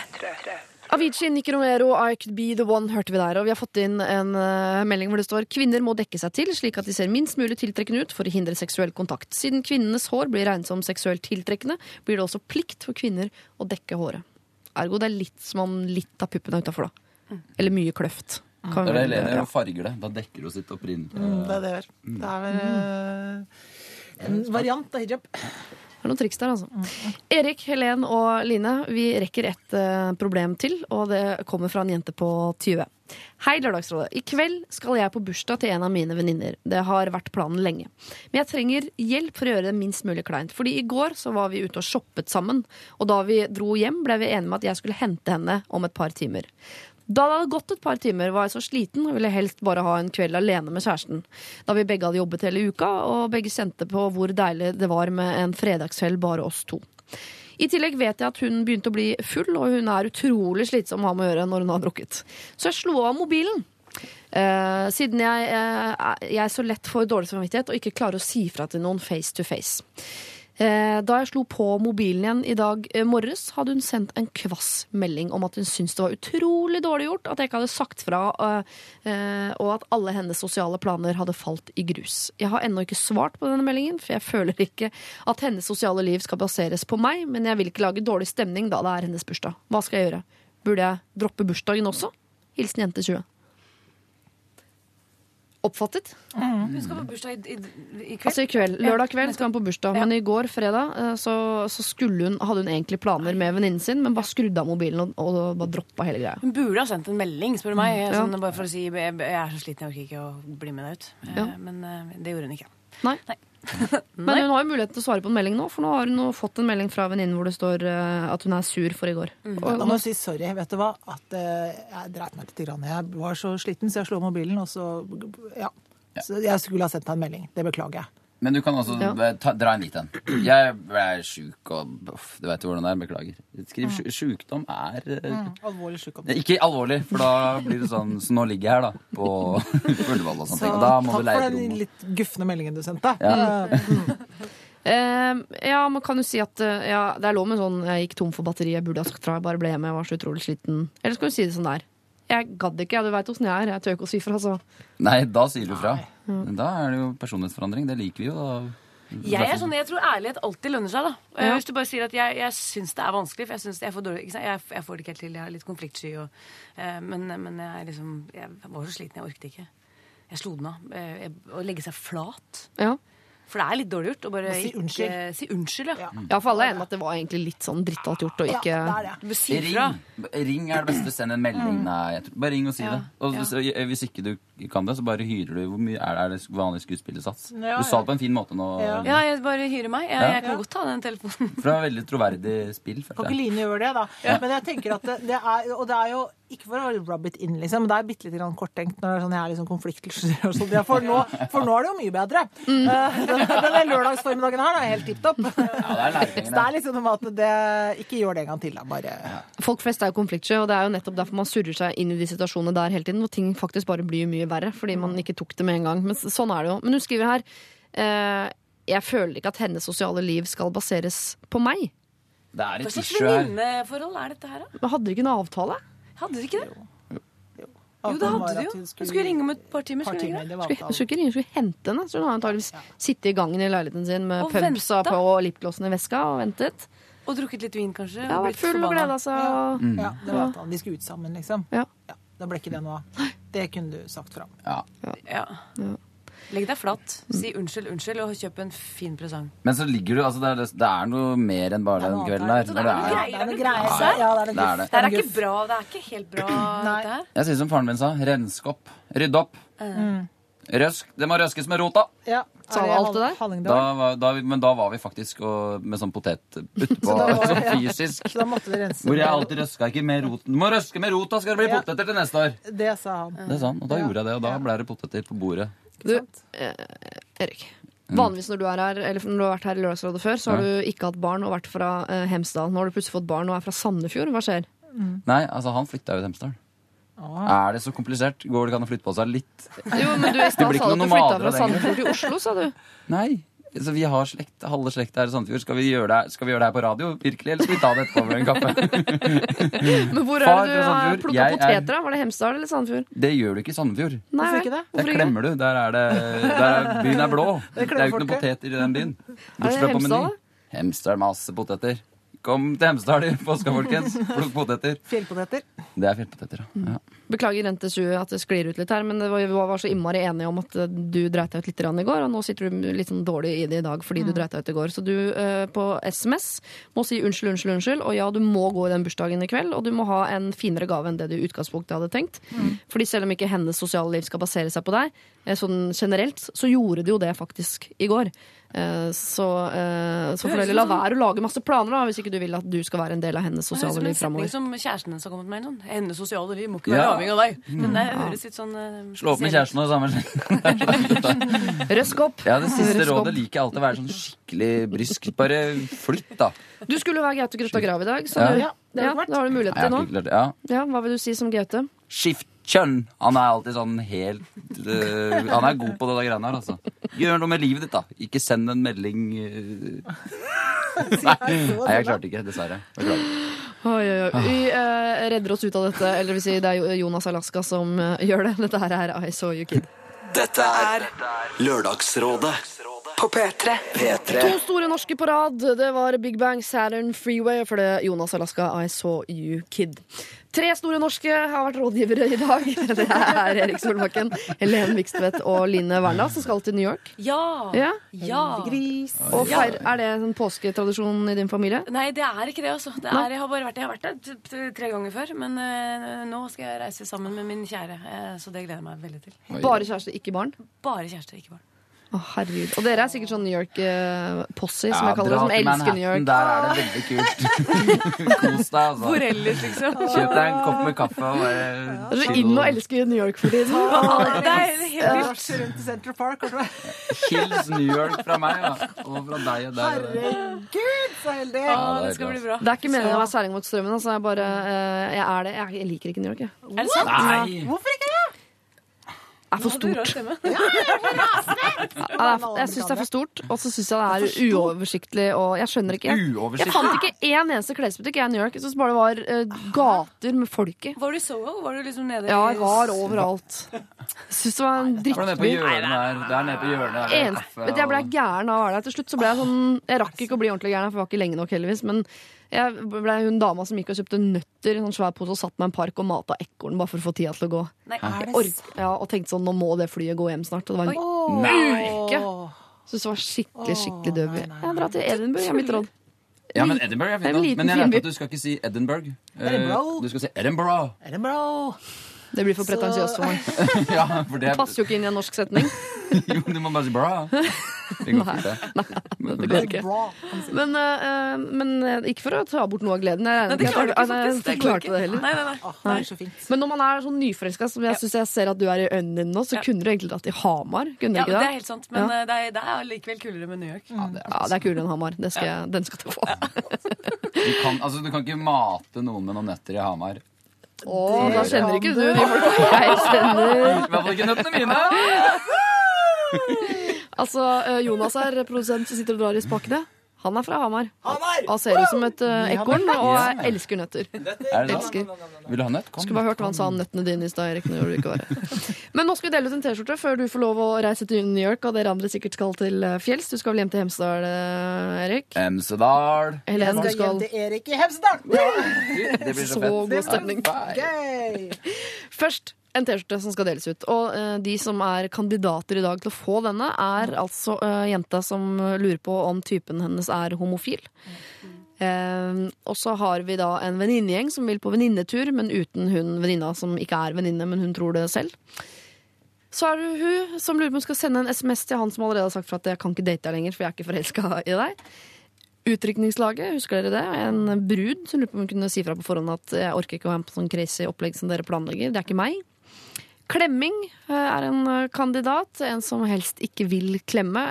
Eventuelt da bli en god klemmer.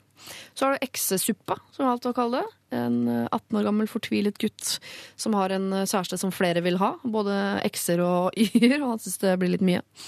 Vi har paret som lurer på om de skal få barn nummer tre. Vi har jenta som lurer på om hun skal si fra til sin kollega når litt av håret syns utenfor eh, sløret. Eh, ja, og det var vel det. Ja, og siste her nå, da. Hun som dreit seg ut.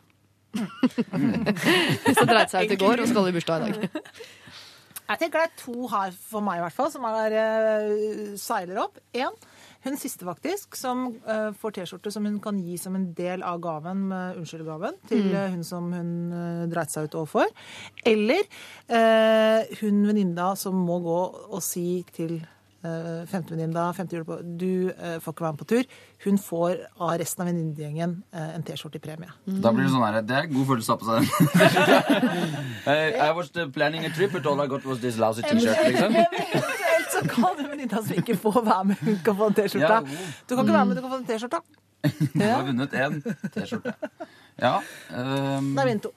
Ja. Er jeg det- liker å gi eh, T-skjorta til eh, noen som trenger en, liksom, en, som en slags påminner. Uh, selv om det var på en måte ikke en big issues. Han derre 18-åringen med ex, alle X-er rundt seg, som vi sa 'Hold on, be strong' til.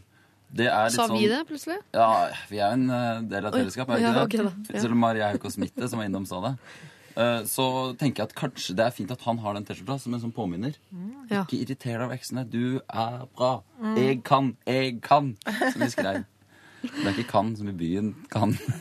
Nå må du roe er det ned på Så det er min Ja. kandidat. Takk. Jeg. Nå trenger du en ferie.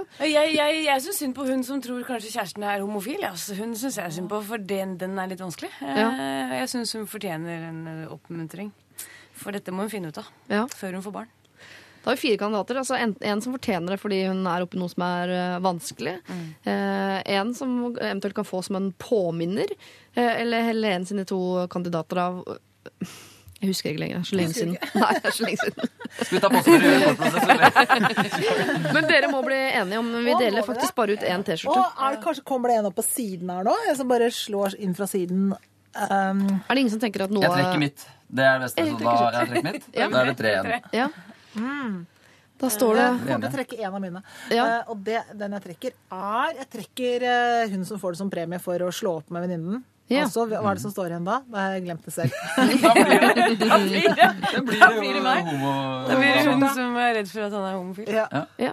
Jenta som er redd for at kjæresten sin er homofil, får T-skjorte fra Lørdagsrådet i dag. Det er veldig koselig. Da gjenstår det for meg å si eh, god påske til dere, og takk for at dere kunne være rådgivere i dag.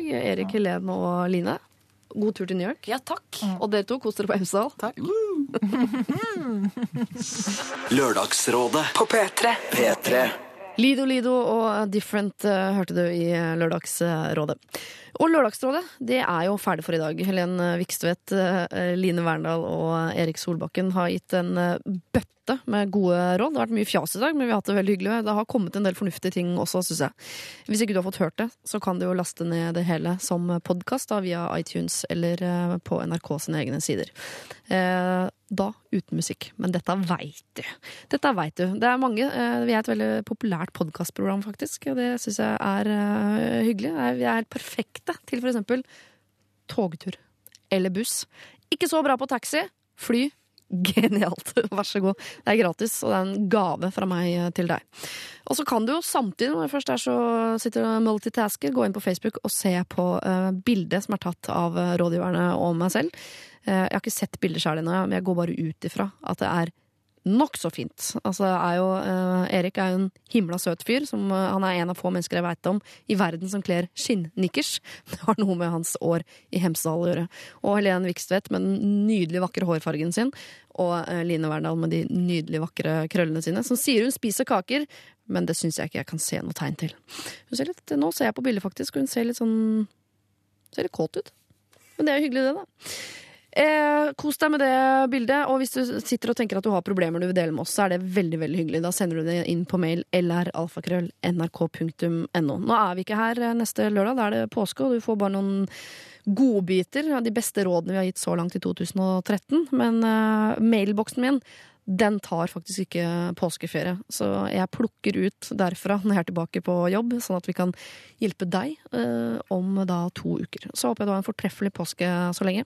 Hei då, vi avslutter med Frank Turner. Dette her er Recovery. Lørdagsrådet På P3. P3.